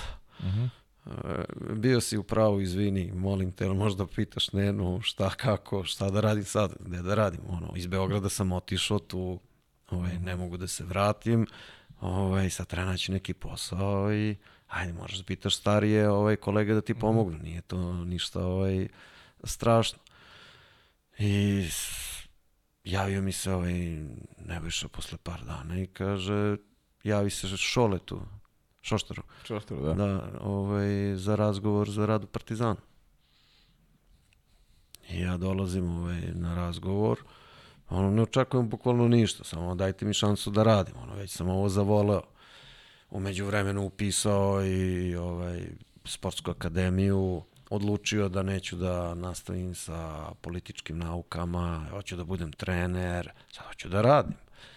I ovaj, ne očekujem ništa osim šanse za rad i ovaj, izađem bukvalno presrećan jer ovaj, Šoli i Partizan daju mi uslove tipa tri puta više nego što sam ja očekivao da ću dobiti. Mhm. Ja kažem, super, eto, eto, sad i finansijski sam zadovoljan, mogu da radim. Dolazim ovaj na bazen i pošto u Partizanu sam se zadržao pet dana kao trener. Dobro. Ovaj, Za, zašto 5 dana? pa ovaj drugi deo mi je nekako bio ovaj uh, manje simpatičan. Aha. ovaj, uh, dolazim na bazen i, i jednostavno ljudi koji su bili zaduženi za mene ovaj, kao mladog trenera prvo su mi objasnili da u tom trenutku ne mogu da se skidam u trenerskoj slačionici, nego to moram da zaslužim. Što je meni bio onako malo hladan tuš. Ali rekao, ajde, možda je to neki test da vide da kad, kako ću da reagujem, da li ovaj, poštujem neku hijerarhiju, ali nije mi leglo. Nije mi taj odnos lego. Međutim, kažem, dobro, nisam ok, istrpeću taj deo, ajde. Doživio sam to malo kao neko ljudsko nepoštovanje. Mm -hmm. Ok, da, okay mogu, da, mogu da budem loš trener, mogu da ne znam ništa, ali, ali mogu i da se presvučem pored dobrog trenera. Naravno. Ono, ne vidim šta će da se loše desi, jel? I ovaj, uh, sad kad smo došli do onog stručnog dela, od one priče koju sam dobio ovaj, na početku da ću raditi sa nekom grupom koja ima potencijala, dobijam poziciju da budem pomoćni trener u trećoj grupi. Odakle nema izlaza. Uh mhm. -huh. Znači, po mom. No, ne kažem da sam u pravu, ali moje Tako viđenje... Tako video, da. Ja sam video, ja ako prihvatim taj posao, nema tu meni ovaj, izlaza, nema tu meni ovaj, dokazivanja, jednostavno bit ću skrajnut na sporedne poslove, u najbolju ruku mogu da budem prvi među ovaj, sporednim poslovima. Sada ružno zvuči sporedni poslovi, jer to je rad sa ovaj, decom, ali a, mladi ljudi imaju ambiciju, jer ambicija je trofej. Uh mhm. -huh. Mladi, mladi treneri a, ne vide rad sa decom koliko vide daj da osvojimo neki trofej. Pa tebi u, to, u tom periodu života važnije to nego novac. Tako je. I sad, a, a, ja radim s tim momcima, ali svestan sam da teško ću moći sa njima da osvojim bilo šta. Tu je uspeh da iz te grupe osposobiš, naučiš nekoga da pređe u drugu grupu. Pa iz druge u prvu je prva se takmiči za, mm -hmm. za medalju. Tako je bilo u to vreme i tako je bilo moje viđenje toga. I usledio je poziv Zvezde, ej, pretpostavljam, ovaj šaca me okrenuo i kaže, pretpostavljam da nisi zadovoljan sa tim. Ja kažem, nisam, kaže, jer bi došao u Zvezdu. Ja kažem, dolazim sutra. Ja, u Zvezdi sam dobio tri puta manje ovaj novca. Novca, ali si dobio ovo drugo. Ali sam dobio ovo drugo. Mm. I ovaj, dobio sam opet kategoriju koja ovaj, je, je bila onako u nekom zaostatku, to je generacija 1993. Uh -huh i ovaj, s kojom opet u, na kraju sezone uzima medalju. Jednostavno, tu se ovaj, ispostavilo, bare meni u mojoj glavi, ok, ono, kako god uzmem da radim sa ovom nekom decom koja imaju ovaj, malo više smisla, dođem do nekog rezultata. Mm. Iza toga su naišli neki dani, a ja kažemo, promjena u Zvezdi, gde se menjala uprava, i u tim ovaj, promenama ja sam imao dobru poziciju. Dobio sam poziciju da budem ovaj koordinator mlađih kategorija. Uh -huh. To se sad poklapa sa susretom sa Urošem, uh -huh. gde se srećemo na Fina kupu i ja kažem, je, ono, treba pomoć, jer bih hteo, njega to isto zainteresovalo i ovaj, i on se priključio ovaj, isto crvenoj zvezdi. U isto vreme a, tu je bio ovaj, Jasmin. Jasmin Hrilović. Da, uh mhm. -huh. jeste, popularni džale. Uh mhm. -huh. ovaj, jednostavno formirali smo opet tim ne, mladih ljudi koji zajednički onako pokušava, ja sam bio zvanično koordinator, ali realno mi smo tu svi neka generacija i sad e, ja sam kao neki šef, jel, ali realno zajedno pokušavamo da napravimo stvari ovaj, mhm. što bolje. Mm -hmm. I to smo radili solidno. Sad, pošto je stvarno bilo turbulentno u Zvezdi tih dana, ovaj, opet nailaze neke promene i u tim promenama ja sad dobijam poziciju da budem trener prvog tima i šef struke. I tu kreće faktički onako moja saradnja sa Nenom u tom nekom direktnom -huh. ovaj, e, smislu.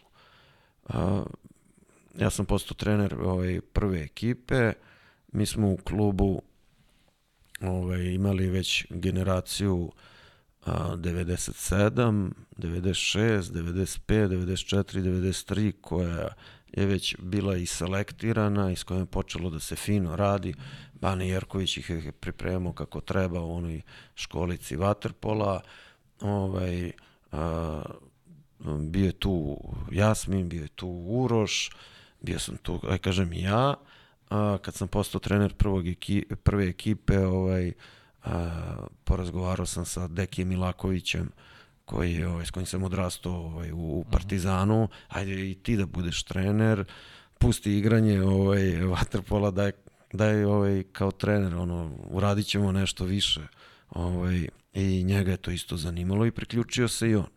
I faktički, ovaj, stvarno je tu bilo ljudi koji su mogli ovaj, da naprave nešto i uspeli smo da ovaj, jedne sezone osvojimo uh, sva prva mesta uh -huh. sa Zvezdom.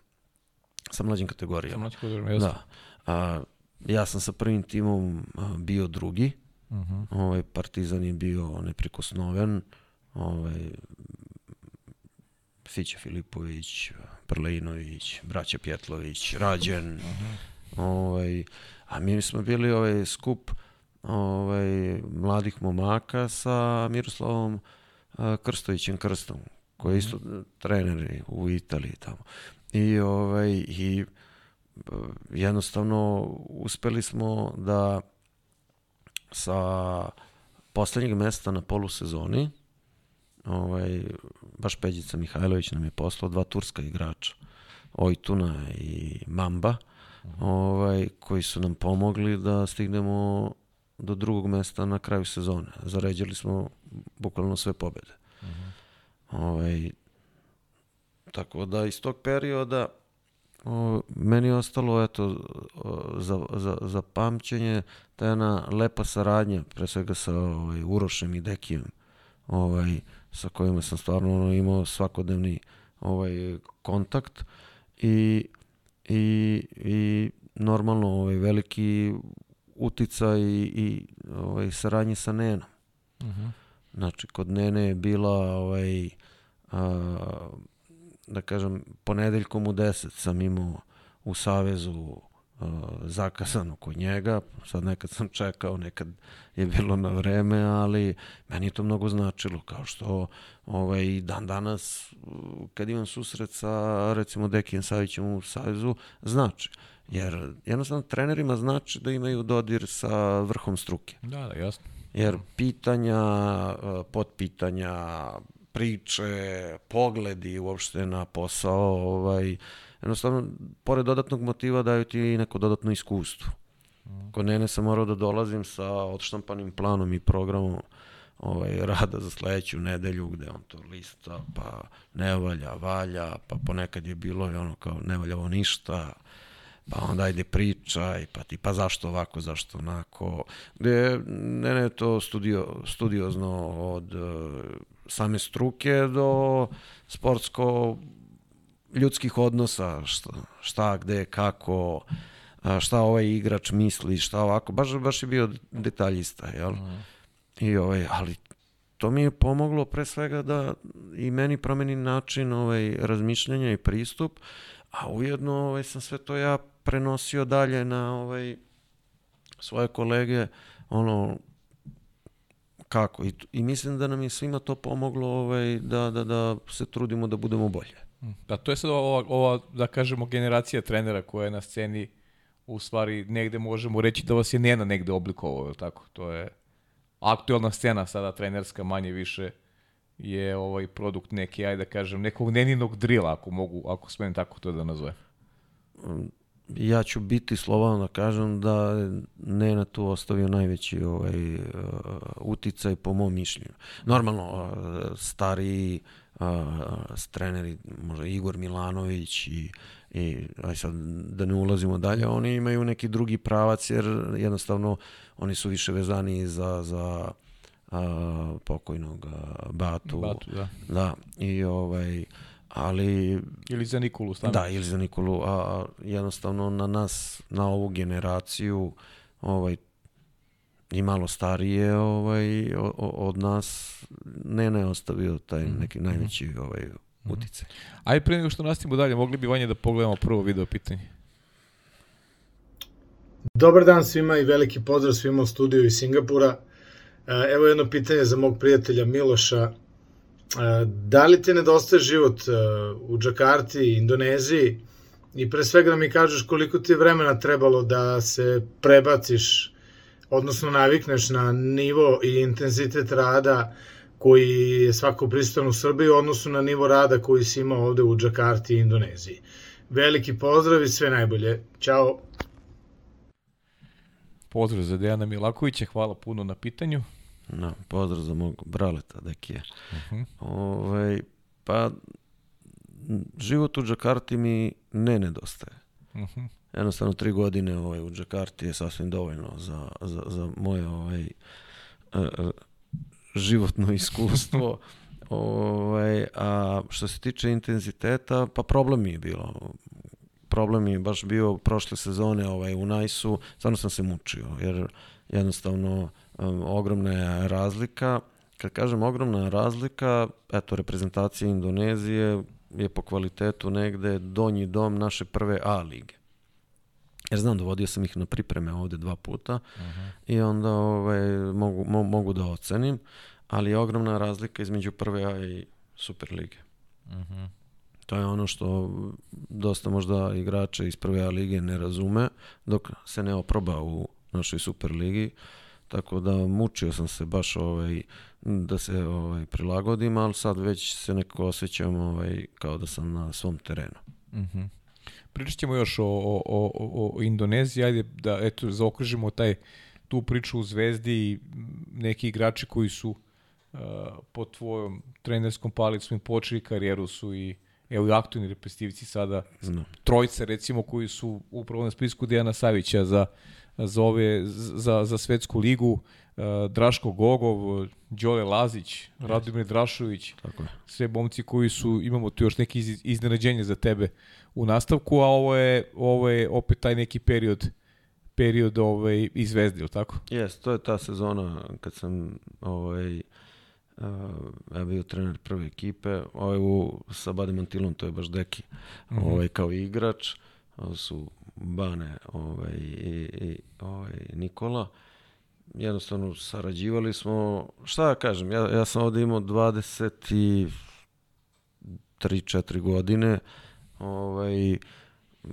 ti momci s kojima sam, imao sam dosta starijih i, i, igrača, igrača ovaj, od da. sebe, a, ubeđen u tom trenutku da puno znam, -huh. ovaj, dok nisam otvorio Pandorinu kutiju kao malo stariji video koliko još treba da se ovaj, uči, -huh. ali jednostavno kad si ostavljen sam sebi da ovaj, učiš sam od sebe i ovaj, razvojni put je drugačiji. Ono. Ja sam se terao da, da, da od svakog trenera gledam, da, da pokušavam nešto da izvučem i dan danas su mi ostale te navike, tako da to ja kažem, dobra stvar tog puta. Inače, ovako je malo ovaj, otežavajuće. A što se tiče igrača, stvarno ovaj, i, i, iz te zvezde ovaj, eto, ima, ima, ima nekog rezultata te početne selekcije, nekog kvalitetnog rada. Ovaj, kažem, ne mogu kažem pod mojim trenerskim, ali pod našim, jel? jer svi okay. su dali, svi su dali neki doprinos, ali tu su ovaj, i, i Raša, i Draško, i Đole, oni su ovaj, izabrali različite puteve, uh mhm. -huh. pošto Zvezda se 2008. godine ovaj, ja kažem, išla na privremenu pauzu. Da.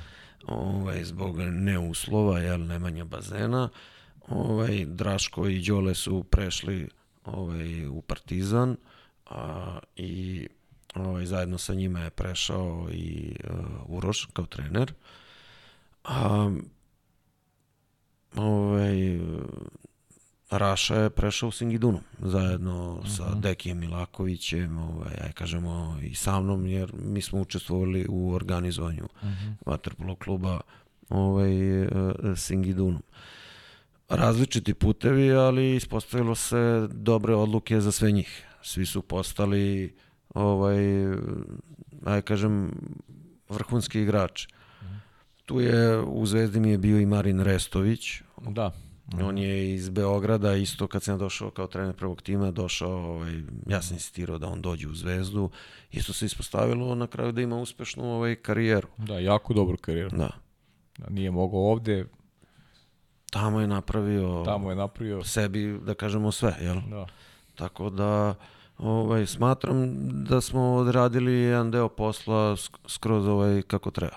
I kad pogledaš Vapenski i Restović u neki u nekim drugom po, poglavlju vremenskom bi igrali i za reprezentaciju sigurno, Srbije. Sigurno, da. sigurno. Mislim, e, lepota i snaga ove Srbije jeste baš ta konkurencija, da. što stvarno... Namjerno apostrofiram levoruke igrače. Ali kad je Fića ispred tebe.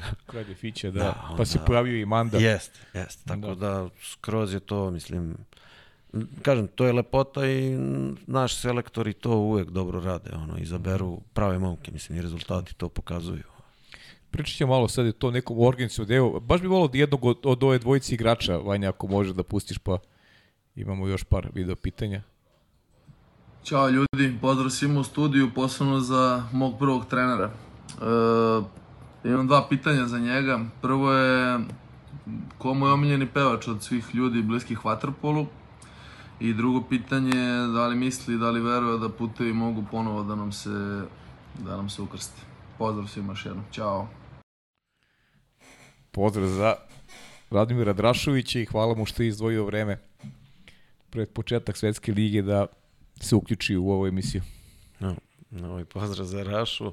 A, pa, opšte je poznato da najbolji pevač globalno među svim trenerima je baš Deki Milaković. To, tako da to, to, ovaj, to, to, to svi znamo. A ovaj, što se tiče ovaj, puteva, ja bi voleo, ali trenutno sam ja u zaostatku. Znači, uh -huh. Raša je igrač za velika dela, a ja tek treba da dostignem da budem taj trener ovaj, i u klubu za velika dela. Uh -huh. Da li će to biti Valis, vidjet ćemo ovaj, u narednih par godina, ali ovaj, svakako kad bi bio u prilici da, da, da ovaj, angažujem i dođe do saradnje, sigurno bi bio ono broja. Uh -huh.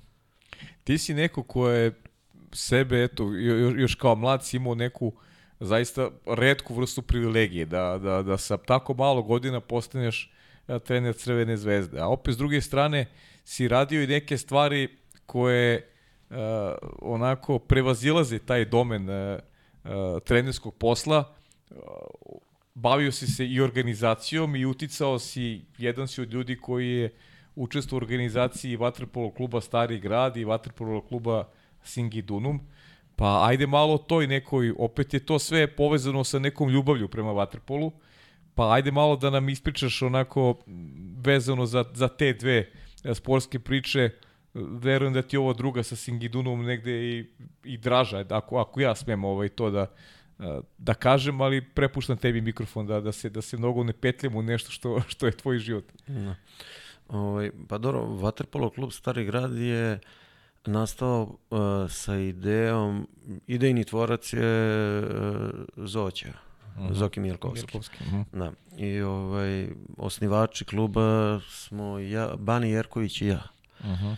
Ovaj, I nastao je kao sa idejom da bude drugi tim Crvene zvezde u tom periodu kad smo ovaj, bili u Zvezdi.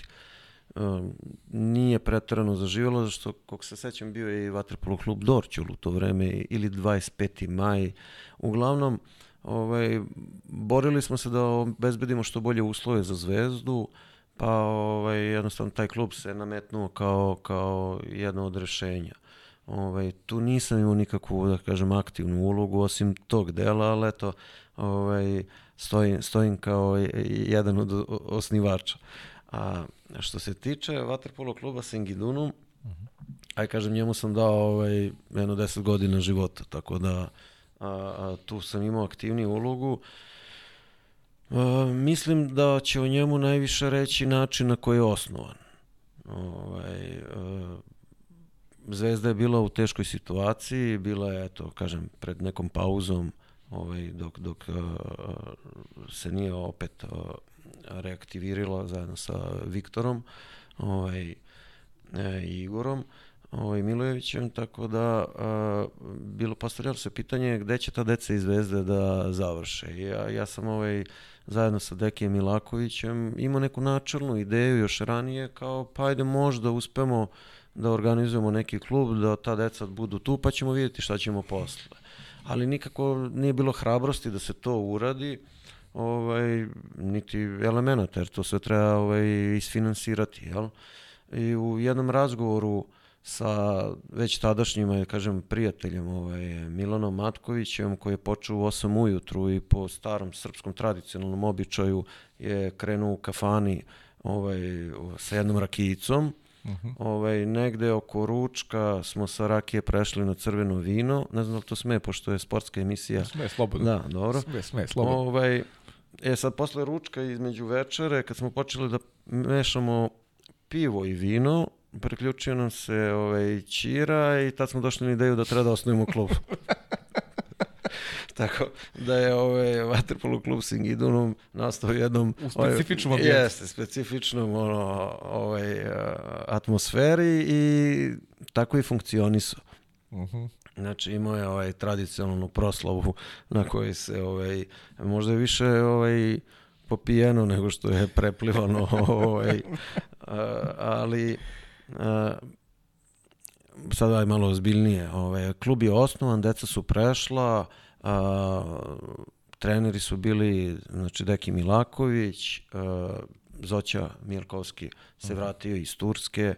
On je bio tu a, isto to je bio isto porodičan klub u smislu ovaj a, roditelji su se skupili o, i osnovali su klub Lopušina, Šćerović, Boban, Mita, stvarno jedna grupacija ljudi koji se lepo druži i krasilo ih je to što stvarno nisu bili nešto ambiciozni za svoju decu, nego ono, daj svu decu da okupimo, da budu tu, ipak su to zvezdina deca, ajde da treniraju, ajde dok se zvezda opet ovaj ne snađe mm -hmm. a, da ih sačuvamo jel? Kažem neki su doneli odluku da pređu bili su i animirani od strane Partizana ovaj ajde bolje u velikom klubu nego ovde. Doneli su prave odluke nema mislim njihove karijere da, to jasno, ovaj, naravno. to pa eto zanimljivo je da ovaj baš ra, ra, Raša je on, on je ostao mm -hmm ovaj, Raša je razvio jako divan odnos sa Dekijem Milakovićem, ali to nek Deki priča u... Kad bude on došao, u svom podcastu. Jest, jest. Uh -huh. ovaj, I ti momci su ovaj, stvarno se trudili. Singidunum nije imao bazen, uh, sad Partizan nam je izašao u susret, baš ovaj, šole ovaj, sa, sa, sa ajde, dobijenjem termina, a Nena je igrao aktivnu ulogu ovaj, da se kako kažem, da dobije, Singidunum dobije formu. Uh -huh. On me pozvao na sastanak i rekao, a čekaj, šta si ti? Si ti trener, si ti predsednik, si ti sportski direktor, moraš da se definišeš šta si. Moraš da se uh -huh. negde opredeliš. I ja sam tu napravio, ovaj, ajde da kažem, izbor da se kao opredelim, da budem neki sportski direktor. Sad, sportski direktor Singidunuma, koji je sa decom, i nije baš neki posao, jel? Ba, realno. Da, ali kao ja sam eto sportski direktor. Ovaj, dobra stvar je što Singidunum uspeo da se izbori da igra prvu ligu i igrao par godina prvu ligu. Par godina ih vodio Zoća Mjelkovski u prvoj ligi, par godina Deki Milaković. Ja sam tih godina bio sportski direktor. Dobra stvar je što smo uspeli ovaj, da animiramo uh, Veljka Tankosića mm. da dođe mm -hmm. u Singidunum još kao jako mlad momak ovaj, gde to je baš na preporuku Zoćinu Zoće ga je ovaj, mhm. skautirao negde rekao mi je trebali bi ovde malo nešto da pomognemo da se to ostvari jednostavno eto napravili smo Zvezdin prvo tima sada za one da. eto koji I, ovaj, nisu baš upućeni dobar igrač, jel? I ovaj i a, momci su tu rasli, tu, a ja kažem, to je okosnica tima bila neka generacija zvezdina rođenih 91. godišta na čelu sa Đoletom Bjelićem, koji isto igrao posle za Crvenu zvezdu, ovaj, prvu ekipu. I ovaj, bilo je tu, eto, još igrača, Miloš Matković, aj, Luka Šećerović, da ih ne nabrajem sada, okay, ovaj, da ali sve dobri momci koji su se bavili vaterpolom, neki su normalno krenuli aktivno na studije, neki vode svoje ovaj, firme uspešno, a eto imamo i ovaj reprezentativca uh, uh, Srbije. Singidunum uh, u momentu kada su pre svega Raša i Veljko nekako porasli dovoljno da je bilo pitanje da li da ostanu u malom klubu koji nema realno uslove, jer nema ne možeš da im obezbediš teren, da oni sad dobijaju kontranapad 6 na 5, da ne možeš da im obezbediš sad sa igrače toliko bolje da on mora da gleda u nekog da sazreva. Pa utakmice, utakmice. A i utakmice, jer mi smo sad već igrali prvu ligu ispadanje ili uh, prvu A ulazak, jel? -huh. Tad su bile u prvom delu Singidunuma dok je bio, pošto to 10 godina traje, su bile dve lige, pa se onda pojavila i Super, i prva A i prva B. I ovaj, uh, doneli smo neku odluku da oni pređu u Crvenu zvezdu. Uh, momci su prešli u Crvenu zvezdu i to Crvena zvezda je platila obeštećenje za njih. Ovaj, moram kažem, ispali su maksimalno korektni prema ovaj klubu. Ali mi smo malo izgubili motiv u, u, u klubu jer počelo je već da klub ide nekim drugim putem, a to je više ka nekom, ajde da kažemo, uh, amaterskom delu, uh mhm. neka proizvodnji igrača ili ostvarivanje rezultata. Uh, normalno, ovaj, prirodno je da, da neki ljudi izgube interesovanje za pomoć, uh, uh, jednostavno klub se, ajde kažem, uslovno čano smanjio. Uh -huh. uh, Zoće je prešao u stari grad, da se bavi starim gradom, imao energije i znanja za to. Deki Milaković je otišao u Proreko kao sa, sa Igorom. Sa da. Igorom, da. sa Igorom. Ja sam ostao sam i već mi je postalo sve to ovaj, previše naporno. Međutim, klub nije baš sjajno stajao, jer u tom igranju ovaj, uh, upravljanja klubom napravili su se određeni ovaj, aj kažem uslovno, dugovi koje treba sanirati, jel? I ovaj, ja sam doneo već neke 2013. 14. odluku da pravim neku izlaznu strategiju i svega toga. Uh mhm. -huh. I ovaj, jednostavno napravio sam zajedno sa ovaj, Vaterpolo klubom Beogradom i Mićom Perišićem i tadašnjom upravom Maka isto tu bio učestvovao i tadašnjom upravom ovaj kluba napravio sam fuziju dva kluba, ali sa idejom da Vaterpolo klub Beograd igra regionalnu ligu. Uh mhm. -huh. Znači, opet da imamo neki sportski motiv. Uh mhm. -huh. I bilo je dogovoreno, ok, fuzija, prve godine izborimo ovaj a, plasman takav da možemo da igramo regionalnu ligu, sledeću godinu igramo regionalnu ligu, pa da vidimo koliko možemo da ovaj ostvarimo. Međutim, normalno desilo se da ovaj, fuzionisali smo se, sve ok, funkcionisalo, osim što izborili smo i plasman, samo što uprava nije obezbedila sredstva za ovaj, regionalnu ligu i to sam već došao do 2017. godine, ovaj, meni se iskreno gubi mi se motivacija, ovaj, jer vidim da baveći se a, Singidunumom ne mogu da, da napredujem kao trener, ovaj, a, a imam želju da se bavim trenerskim poslom i nekako je usledio poziv od indonežanske reprezentacije i to sam video kao privremeno rešenje.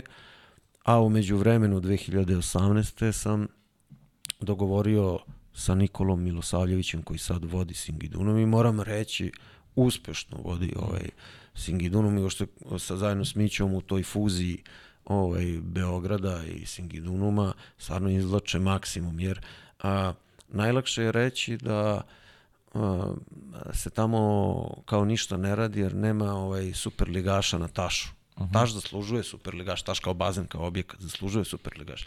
Ali Taš je bio sve vremeno opterećen sa pet klubova. Sad, u pet klubova svako ima isto pravo zakupa, jel?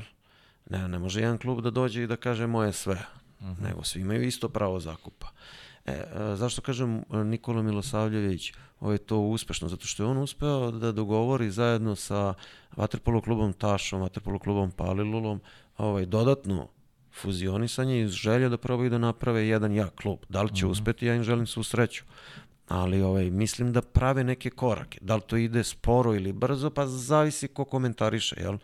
Ja ću da kažem da ide možda u sklopu mogućnosti. Uh mhm. -huh da li ovaj, e, im treba ovaj, stručna pomoć, sigurno svakome treba, ali verovatno su i oni otvoreni za to, samo to je sad već njihova stvar, Da, da, da, jasno. jer ja sam izašao skroz, ovaj, osim što imam tu prijateljstva sa Nikolom, sa Vladom Ljubenovićem, sa, ne znam, bracom i Mićom, ovaj, ne mešam se u, u, u ovaj, kažem, dalji rad, samo ovako pratim sa strane kao posmatrač, imam neko svoje razmišljanje, pričamo na tu temu, ali nemam, nemam nik, posle 10 godina, ajde kažem, izašao sam iz ovaj Singidunuma i smatram da je 10 godina bilo dosta od mene. Pa dobro, s obzirom da, da ja znam da si ti ovaj tu uložio dosta energije, stručnog rada, pa i, i finanskih sredstava da, da tu priču onako mm, izvedete na pravi put, eh, redko bi, redko ko bi to uradio, ovaj, moram da ti priznam, jer eh, ne usuđuju se baš ljudi da tek tako ovaj, uđu u neki projekat za koji znaš da teško mogu neka sredstva da ti se vrate. Tako da uložio si dosta sebe u tu priču, pa gradiš sada neki, neki svoj put dalje. Ali naravno, ostaješ u stare prijatelji, što je popuno normalno. Ajme pričaj malo o toj Indoneziji. Pošto si tamo i napravio i neke, neke rezultate, ti se ne hvališ previše, ali znam da si napravio neke rezultate koji baš nisu ovaj, bili tipični, gledamo neke slike, možeš uspod ovako da ih komentarišeš, da, nam ispričaš i neke neke anegdoti, nisi, nije zaboravio se da te pitam ovaj, vezano za Saudijsku Arabiju, u stvari ti si nam i rekao neke anegdoti i sam. Ovaj, Ajde malo Indonezije. Pa dobro, ovo je slika, kažemo to iz završnoj godini, kad smo napravili taj istorijski uspeh. Pa jednostavno, ja nisam ni znao dok nisam otišao tamo, oni imaju jedan svoj mikrokosmos tu u Aziji, gde je vaterpolo njima živi, oni, oni imaju vaterpolo takmičenja, ovaj, Uh, mislim da sam ti ima jedna fotografija gde se vidi da su to pune tribine, da to, to, to par hiljada ljudi ovaj dolazi kad, kad, kad oni igraju do duše ovaj ono svi hoće da se slikaju sa selektorom kada ih pitaš jel pratite vaterpolo, oni kažu ne, hteli smo da kupimo utakmicu za badminton, ali nije bilo, pa su nam rekli idite na vaterpolo, a pošto ih ima 300 miliona, eto, Evo. skupi se i par hiljada. I o, oni pozdravljaju, ovo je slika sa azijskih igara, Ovaj, ali ajde krenut ću, kre, kre, krenut ću redom od, Može, može. od, od odlaska. Ovaj, a, Dejan, Dejan e, Milaković je dobio poziv za a, Singapur, bio je u Singapuru, baš mislim sa Igorom Milanovićem, tamo su napravili neke kontakte, gledali kako to malo izgleda, ovaj, vratili se i Deki Milaković me ovaj, pozvao i rekao ovaj, jedan singapurski trener bi došao malo tu da gleda 15 dana ovaj, a, i Huat je došao mi smo se i malo onako združili, sprijateljili. Meni usput bilo imao sam baš neko venčanje ovaj, ko, ko, kod neke familije i rekao sam im dovešću i svog brata iz Singapura ovaj, oni kao, no dovedi slobodno i ovaj, tako da sam ga vodio na svadbu, što je ovom izgleda mno, mnogo značilo. I sad, ovaj, njemu se sve to svidelo, zvao me, ajde dođi u Singapur da radimo juniorski kamp, ovaj, imam tu negde 40 dečaka, ovaj, m, otišao sam u Singapur, išao je sa mnom Danilo Čabrilo, centar, Aha, kao centar. demonstrator. I tamo smo radili jedno 25 dana, bili smo u Singapuru, radili sa tom decom, ovaj, učili ih vaterpolo, nešto što je odgovarajuće njihovom nivou znanja. I ima se sve to svidelo. Iza toga je, sad preko tog ovaj, Singapurćanina, ovaj, n- usledio ovaj, na poziv, da li mogu da ti pošaljem igrači iz Azije da treniraju sa vama po ovaj, par meseci. Ja, mislim, ja to sve stavljam pod neki kao sportski turizam, jel? ovaj, o, I poslali su dva igrača iz Tajpea a, i jednog iz Indonezije. I oni su bili tu jednom pa mesec, dva, tri dana, čak ovaj momak Indonežan je odigrao par utakmica za Singidunom, re, u prvoj B ligi, onako registrovan i oni su se ovaj, vratili i 2017. u januaru stiže poziv od tog igrača ovaj, da da li sam zainteresovan da budem ovaj, selektor. Dogovorimo se oko uslova i ja pristanem i odmah. Mesec dana ranije Dejan Deki je potpisao Milaković da bude selektor uh, Singapura. Mhm. Ja, on odlazi u Singapur, ja odlazim u, ovaj, u Indoneziju, a takmičenje južnoazijske igre su igre koje se igraju još, pa zadnjih 44 godine. Uh -huh. Na dve godine se igraju. Azijske igre na četiri, ovo se igra na dve godine. I to Singapur osvaja svake godine i najveći rivali su Singapur i Indonezija. A Dek i ja smo najbolji drugari i sad treba da igramo jedan protiv druge. Baš se onako namestilo, ali dobro, koristimo životne ovaj, uh, šanse, jel? Mhm, Jer moram reći, onako, prilično su ugovori bili u to vreme finansijski isplativi jednostavno ja sam vidio šansu, eto kao, ajde napokon nešto i ja da zaradim. Tako je. Ovaj, normalno, druga kultura, Indonezija je predivna zemlja, a, meni smešno što ljudi u, u, kod nas ono često kao papuanci, pa onako malo sa podsmehom sve, mm Indonezija je jedna jako bogata i razvijena zemlja, samo u tih 300 miliona, da kažemo, ima dosta ovaj, ljudi koji se nisu snašli u životu, pa to daje sveopšti utisak da su oni kao negde ovaj, iza nas, uh mhm. -huh. ali ovaj, mislim da je, to treba ići videti pa onda tek ovaj, donositi neki ovaj, sud. Uh, Waterpolo na klubskom nivou je baziran na osam nekih centara, e, nijedan od centara nema neki nivo. Ali u tih osam centara može se pronaći 15 igrača koji mogu da donesu ovaj kvalitet koji sam ja rekao da budu tu negde donji dom naše prve A lige.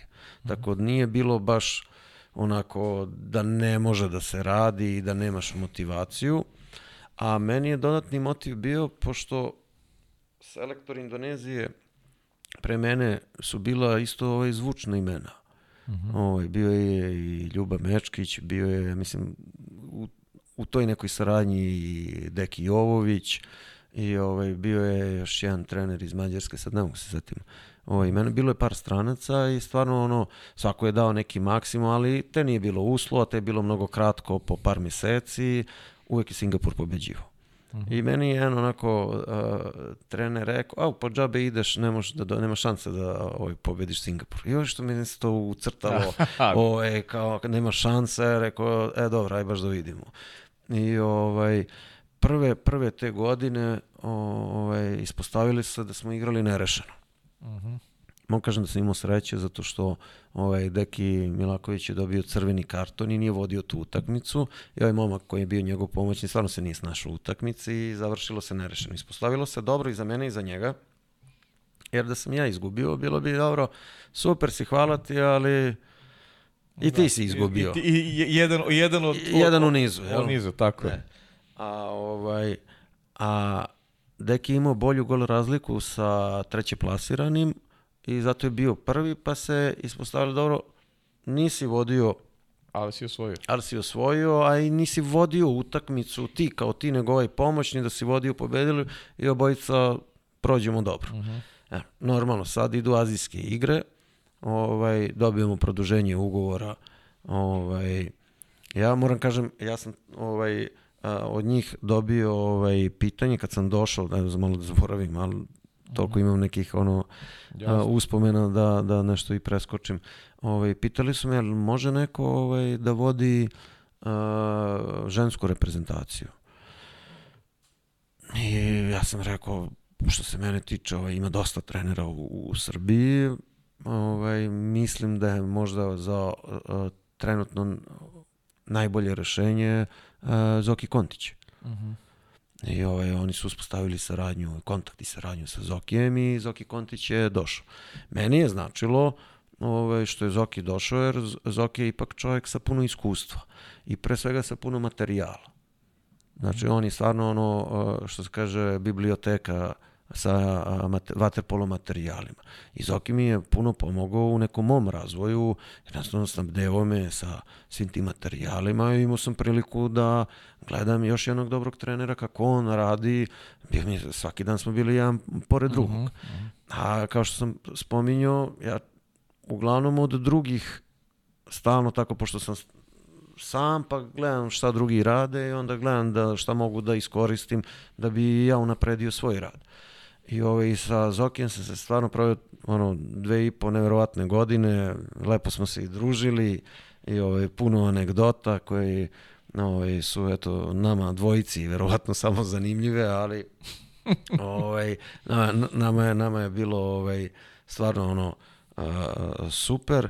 A, on je ovaj, a, bio malo a, gorem položaju, pošto a, u Indoneziji nisu davali takav akcenat na ženski vaterpolo koliko na, mm -hmm. na, na muški, tako faktični sa fokus je bio ovaj, i budžet i fokus ovaj, kod mene, ali Zoki je ono posvajao te medalje koje ovaj, treba da posvaja.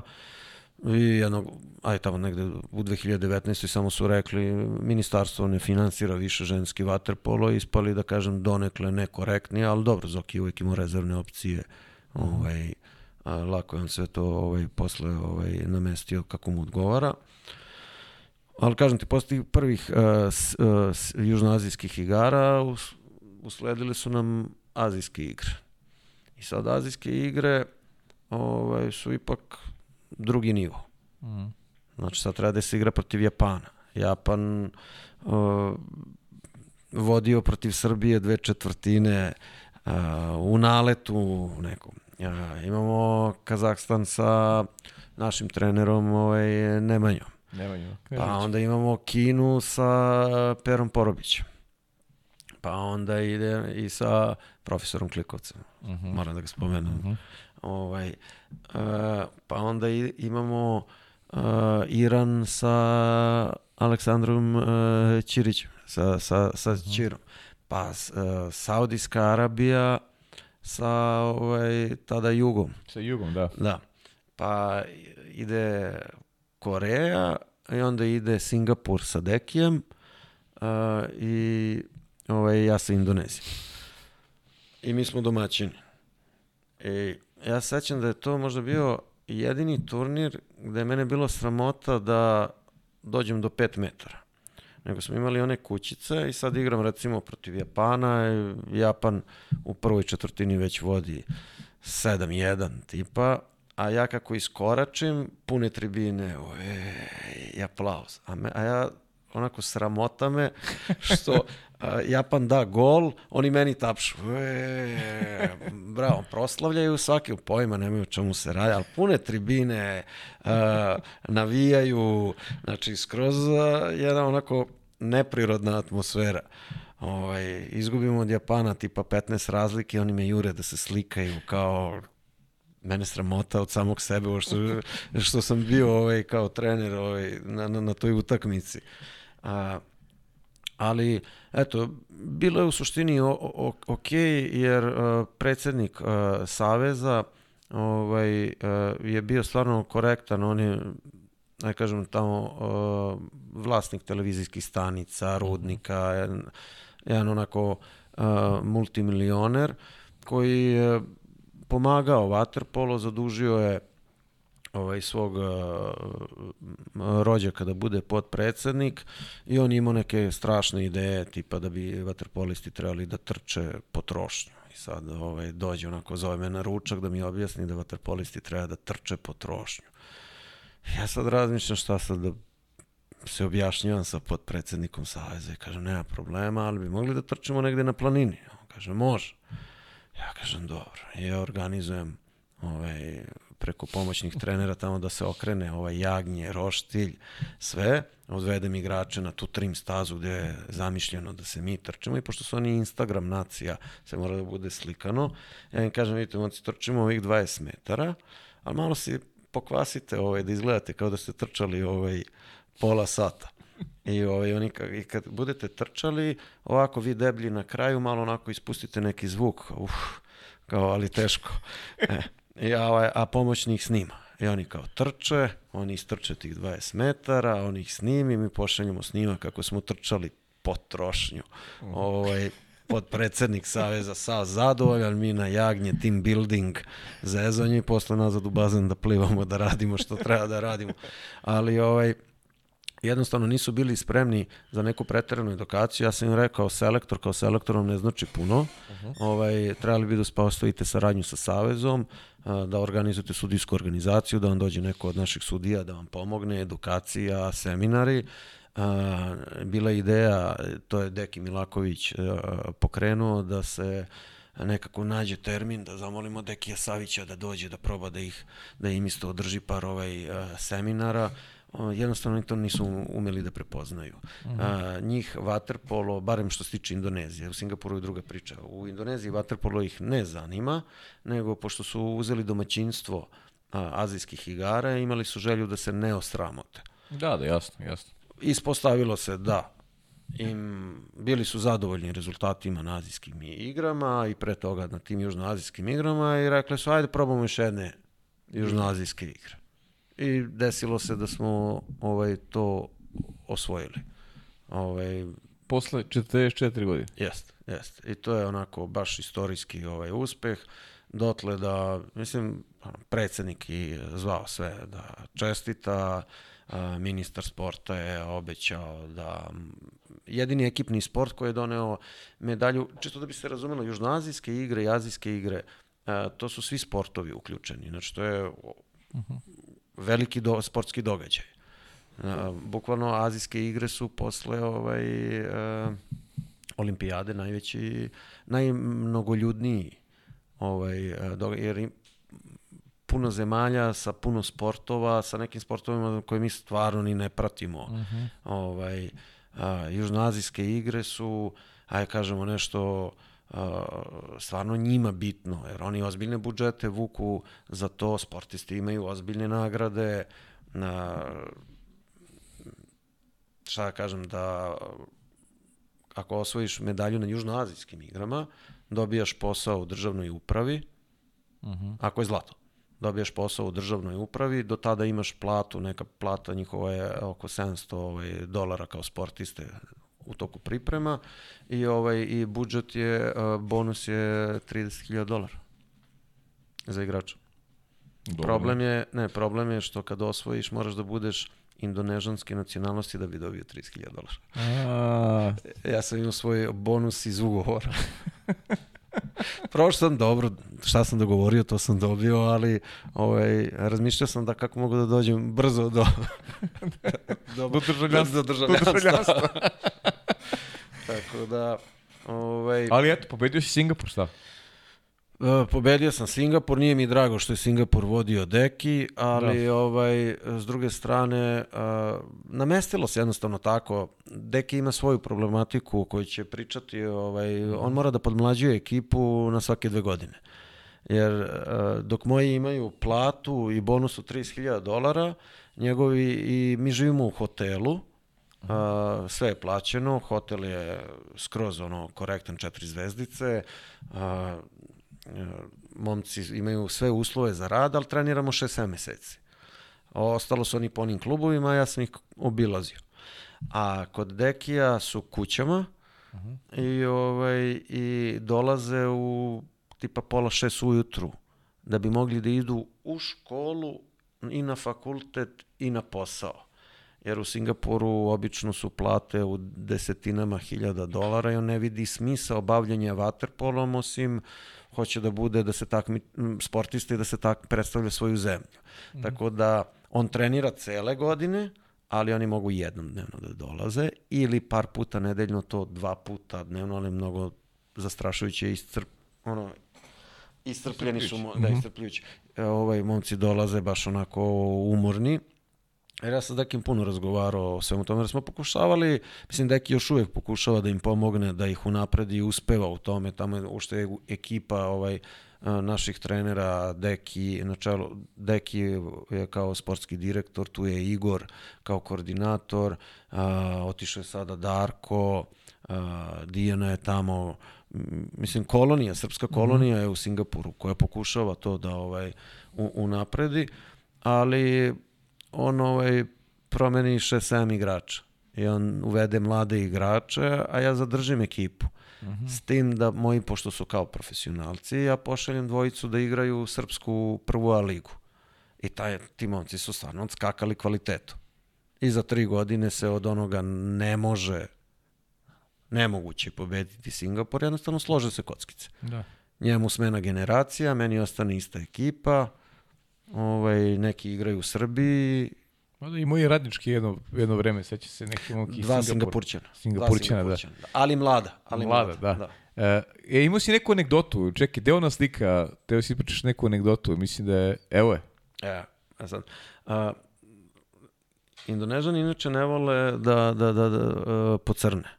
Aha. Jer uopšte generalno u Aziji beoten je odraz neke ovaj, klasne pripadnosti, a Mhm. ako si browncast, ono, kao, nisi dovoljno dobar. Mhm.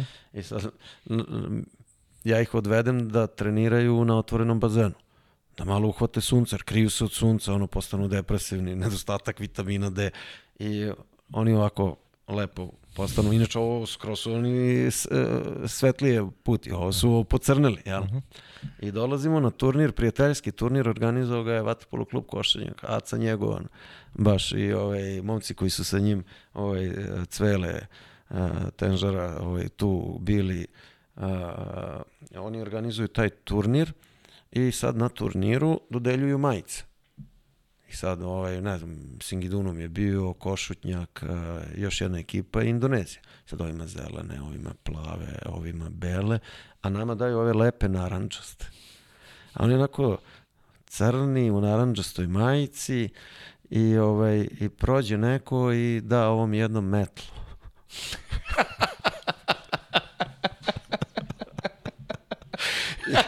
ja mislim da je Aca baš njegovan dođe kaže Saki, gle ovo, je gde baš naranđaste vama. I ja kažem, dobro, momci, skidaj majicu. I imamo jednu sliku, ovaj, baš sa Rašom. Raša je tu došao da nas obiđe. ovaj, pošto i, i, i svi, svi ono u različitim majicama i jedan zaboravio da skine u naranđastoj se, sedi isto na... Sjajna priča. e, a, ovaj, a inače, njima je mnogo značilo taj dolazak u Srbiju. Aha. Recimo, ispostavi se, ovaj, odemo na sparing uh, sa Banjicom, na Banjici ovaj, uh, vide Dekija Savića.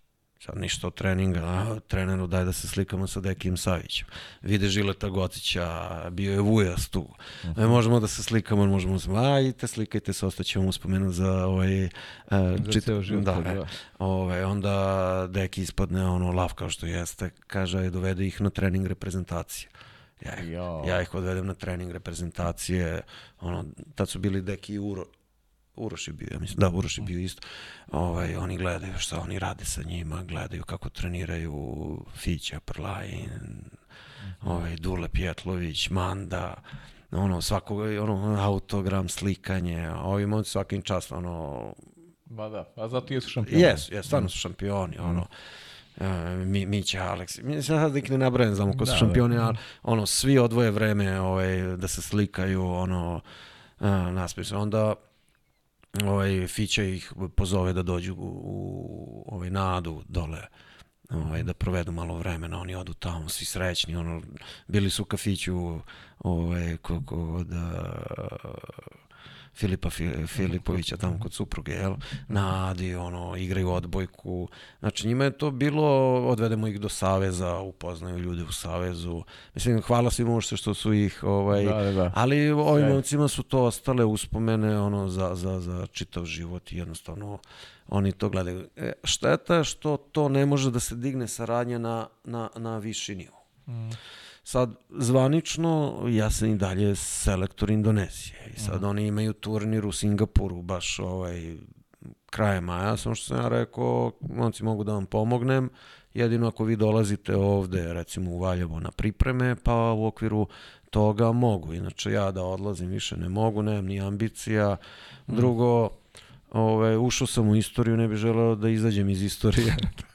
Jasno. Dosta mi je da jednom osvojim, ne bih hteo ovaj, dalje da se ponavljam, jer neozbiljni su ispali u smislu ovaj, čim je naišla korona, ovaj, oni su ugasili uh, vaterpolo, uopšte a, razmišljanje o vaterpolu. Nastavili su sa plivanjem, mm. jer to je u okviru jedne federacije, plivanje je tu dominantno, Nažalost, oni u plivanju i nemaju neke rezultate, imaju jednog plivača koji to, ali ne cene ovaj, puno vaterpolo, pokušavaju, grupa ljudi tu pokušava da to stalno, a eto i mene zanima da vidim šta će u tom mikrouniverzumu ovaj, azijsk, južnoazijskog vaterpola šta će se desiti baš kad budu igrali sa taj turnir. Je to isto te južne azijske igre, ali kao prijateljski turnir. Aha.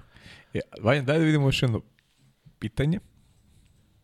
Veliki pozdrav za sve u studiju, posebno za jednog od mojih prvih trenera Miloša Sakovića, kome sam zahvalan što sam danas tu gde jesam.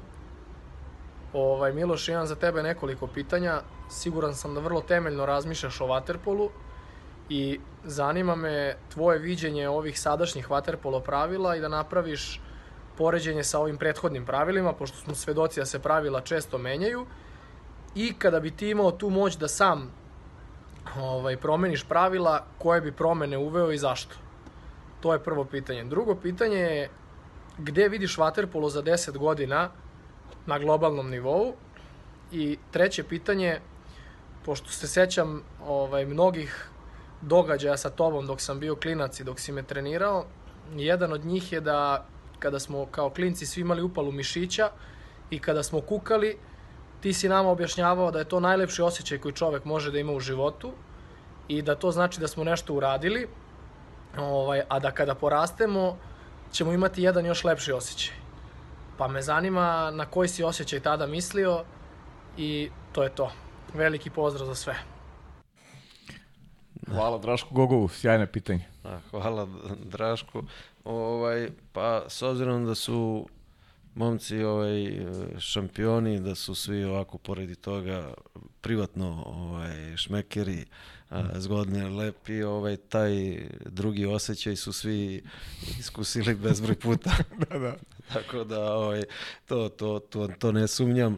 A ovaj, a, što se tiče a, pravila, a, iskreno ja sam ljubitelj više onih starih pravila, jer mislim da to pre svega našim igračima i našem stilu ovaj, igre mm -hmm. odgovara više, ali uh, kad bi imao moć, vratio bi više na, sve bi više na duel, jer ovo mi je previše uh, zaštitnički. Mm -hmm. Razumem zašto ovaj, su pre svega Španci ovaj, vršili utice da se to promeni, ali ok, to je ono ko ima moć ovaj, Vas da bilo. Jest.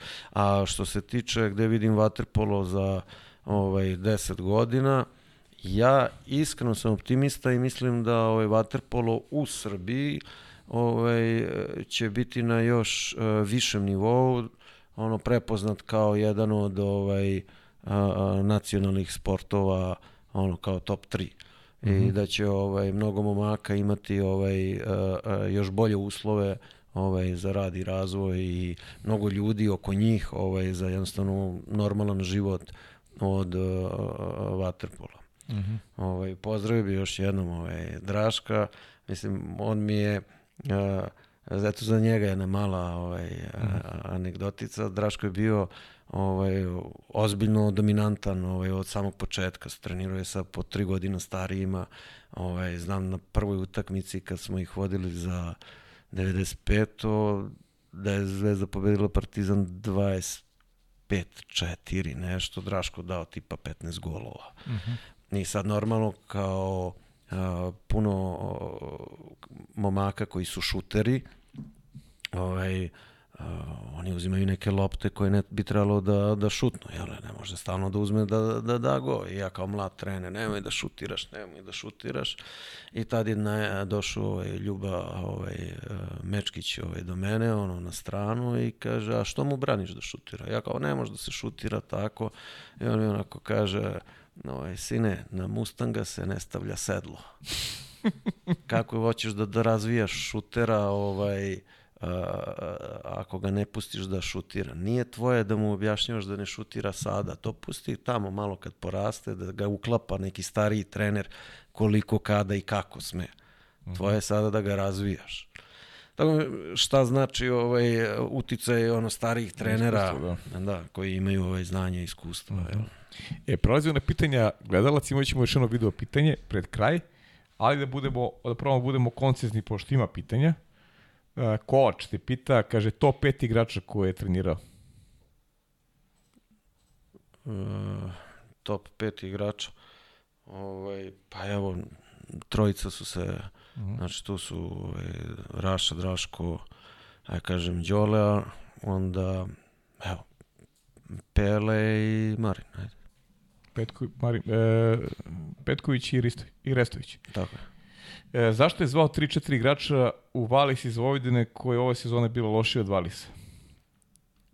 A, pa, re, ekipni rezultat je ovaj, jedna stvar, a kvalitet igrača je sasvim druga stvar. Tako da video sam ovaj, uh, kvalitet u tim igračima i verujem da mogu da pomognu ovaj, radi ostvarivanja ekipnog kvaliteta meni u Valisu. Uh -huh.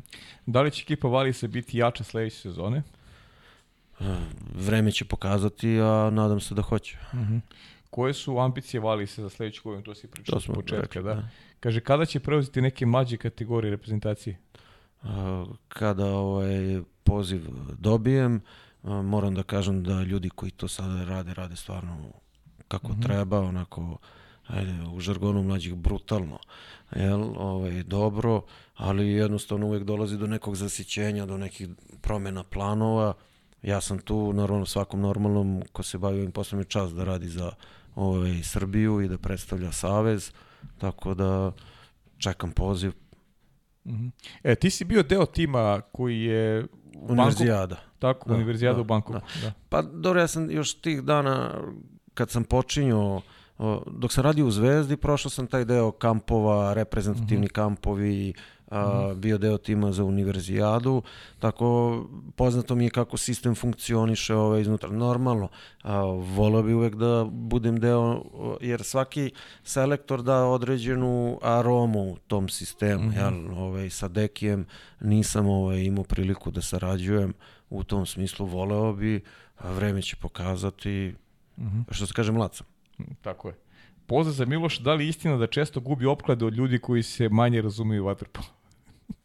Pa dobro, vezano za, mislim da znam ko me i pita, ovaj, vezano za vaterpolo utakmice, da, jer ovaj, mnogo loše prognoziram šta će se desiti. dobro, čekaj ovako. E, Ivo Begović e, te pozdravlja, pita može li da nam pojasni situaciju sa Milanom Vitorovićem, zašto ga nema u sastavu? Mogu. Milan je ovaj, bio sa nama ovaj, do januara, zaključno sa ovaj, turnirom u Zadru i onda je ovaj, rešio da se posveti nekim svojim privatnim planovima. Uh mhm. -huh. Jasmin Halilović, pozdrav veliki iz Jasmina, kaže pozdrav za Sakija, da li je spreman za veliku scenu ekipa ranga Ligi šampiona? Pozdrav. Ja, pozdrav za Džaleta, ovaj, spreman sam uvek, a nadam se da će to biti eto, sa Valisom, kao što sam rekao. E, onda ovde SB2, nešto ovde su, kaže, omiljeni igrač iz ekipe.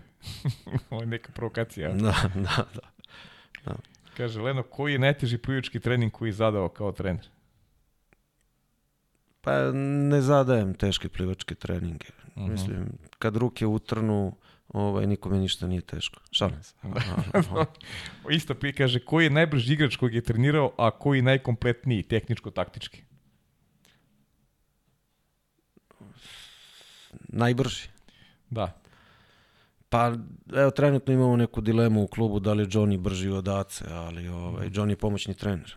Aha, Johnny je pomoćni trener. Da, da, ali ovaj, opklada je ovaj, u pečenu prase. Aha. Da, ali nikako da se desi to, eto. Dobro. A, a, a najbrž, a tehničko-taktički najkompletniji? Teško mnogo, reći. mnogo teško. Jeste. Milan ti pita najbolje Niška kafana. Uh, kogod ide ovaj, u, u ovaj Niš ne mora da traži najbolju Nišku kafanu, nego treba da potraži mog prijatelja Stefana Lukovića, trenera Najsa, a on će mu objasniti sve o Niškim kafanama, jer je on to specijalizirao i puno pozdrava za ovaj Stefana i generalno ljude u Niš. U Niš. E, tuna, kaže, plivanje malo, ali jako, ili dugo, ali polakše, piše. Lakše, otko znam, šta, šta god je teo da kaže. Da, pa Znaš ovo... ti ovo, mislim, mislim da znaš da, odakle pitanje, a? No, ovaj...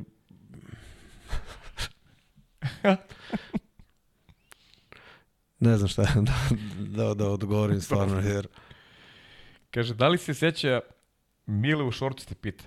Da li seća kako su upisivo kad igrao Counter Strike? Uh, Zaksi. Zaksi, to mi je nadimak koji je mlađe Manojlović. Ovaj, da, Zaksi, Zaksi, da. Inače, ovaj, mislim, eto, ono, volim da igram te igrice, to je ovo, generalno... A, momci- voliš igrice? Da, da, momci sa kojima sarađujem znaju, pošto obično, ovaj, ajde, kao što je Deki najbolji možda među trenerima u pevanju, ja sam vjerojatno najbolji trener u FIFA. Opa, Da, mhm, izazov. A, uvijek. mhm, a ovaj, pitaju te ljudi da li pratiš druge sportove i šta najviše voliš da pratiš, šta ti je onako usmerava, da li crpiš možda neki u nekom taktičkom smislu, da možda ti pomože u tom pogledu neki Da. drugi sport. Pa jednom sam objašnjavao, ovaj, baš ovaj, uh,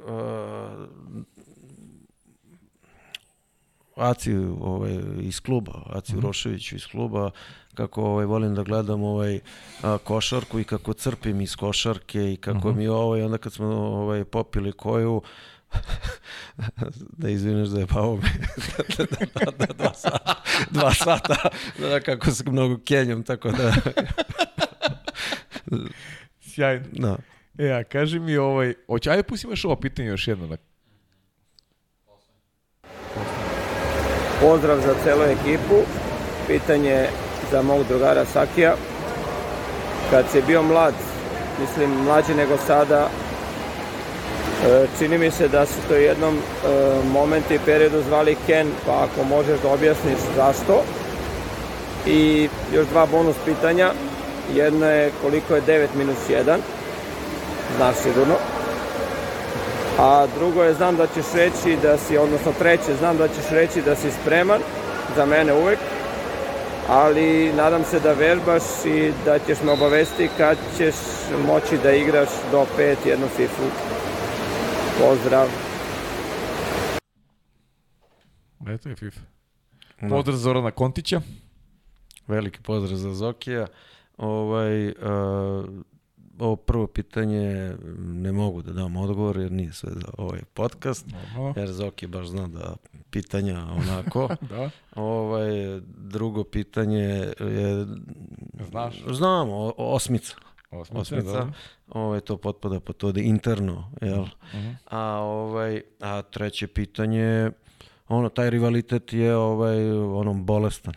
Mhm. Da, evo, svoje vremeno, ovaj, kad smo bili klinci sa Urošem, smo stalno se takmičili u stonom tenisu. Mhm. A ovaj, sad, ovaj, sa Zokijem u FIFA, valjda je trebalo da bude obrnuto. Mhm. Da kao klinci igram u FIFA, a sad stoni tenis, ali eto. Ta, tako da, mnogo lepih uspomena sa Zokijem, ono, pravo prijateljstvo isto Mhm. ovaj, iz Indonezije. E, ajde još, neću da te, da te dajem, zaista smo ovako se lepo ispričali. Ti pitan za ove trenerske kampove, to mi je ovaj, zanimljiva, zanimljiva priča. Znam da si obišao ovaj, mnogo kampova, zanima me kako se pravi kontakt sa trenerima vezano za, za odlazak na kampove i ovaj, koliko te motiviše taj način rada da eto i, i, i, i uz pomoć kampova negde preneseš neko, neko znanje tim, tim mladim igračima. No.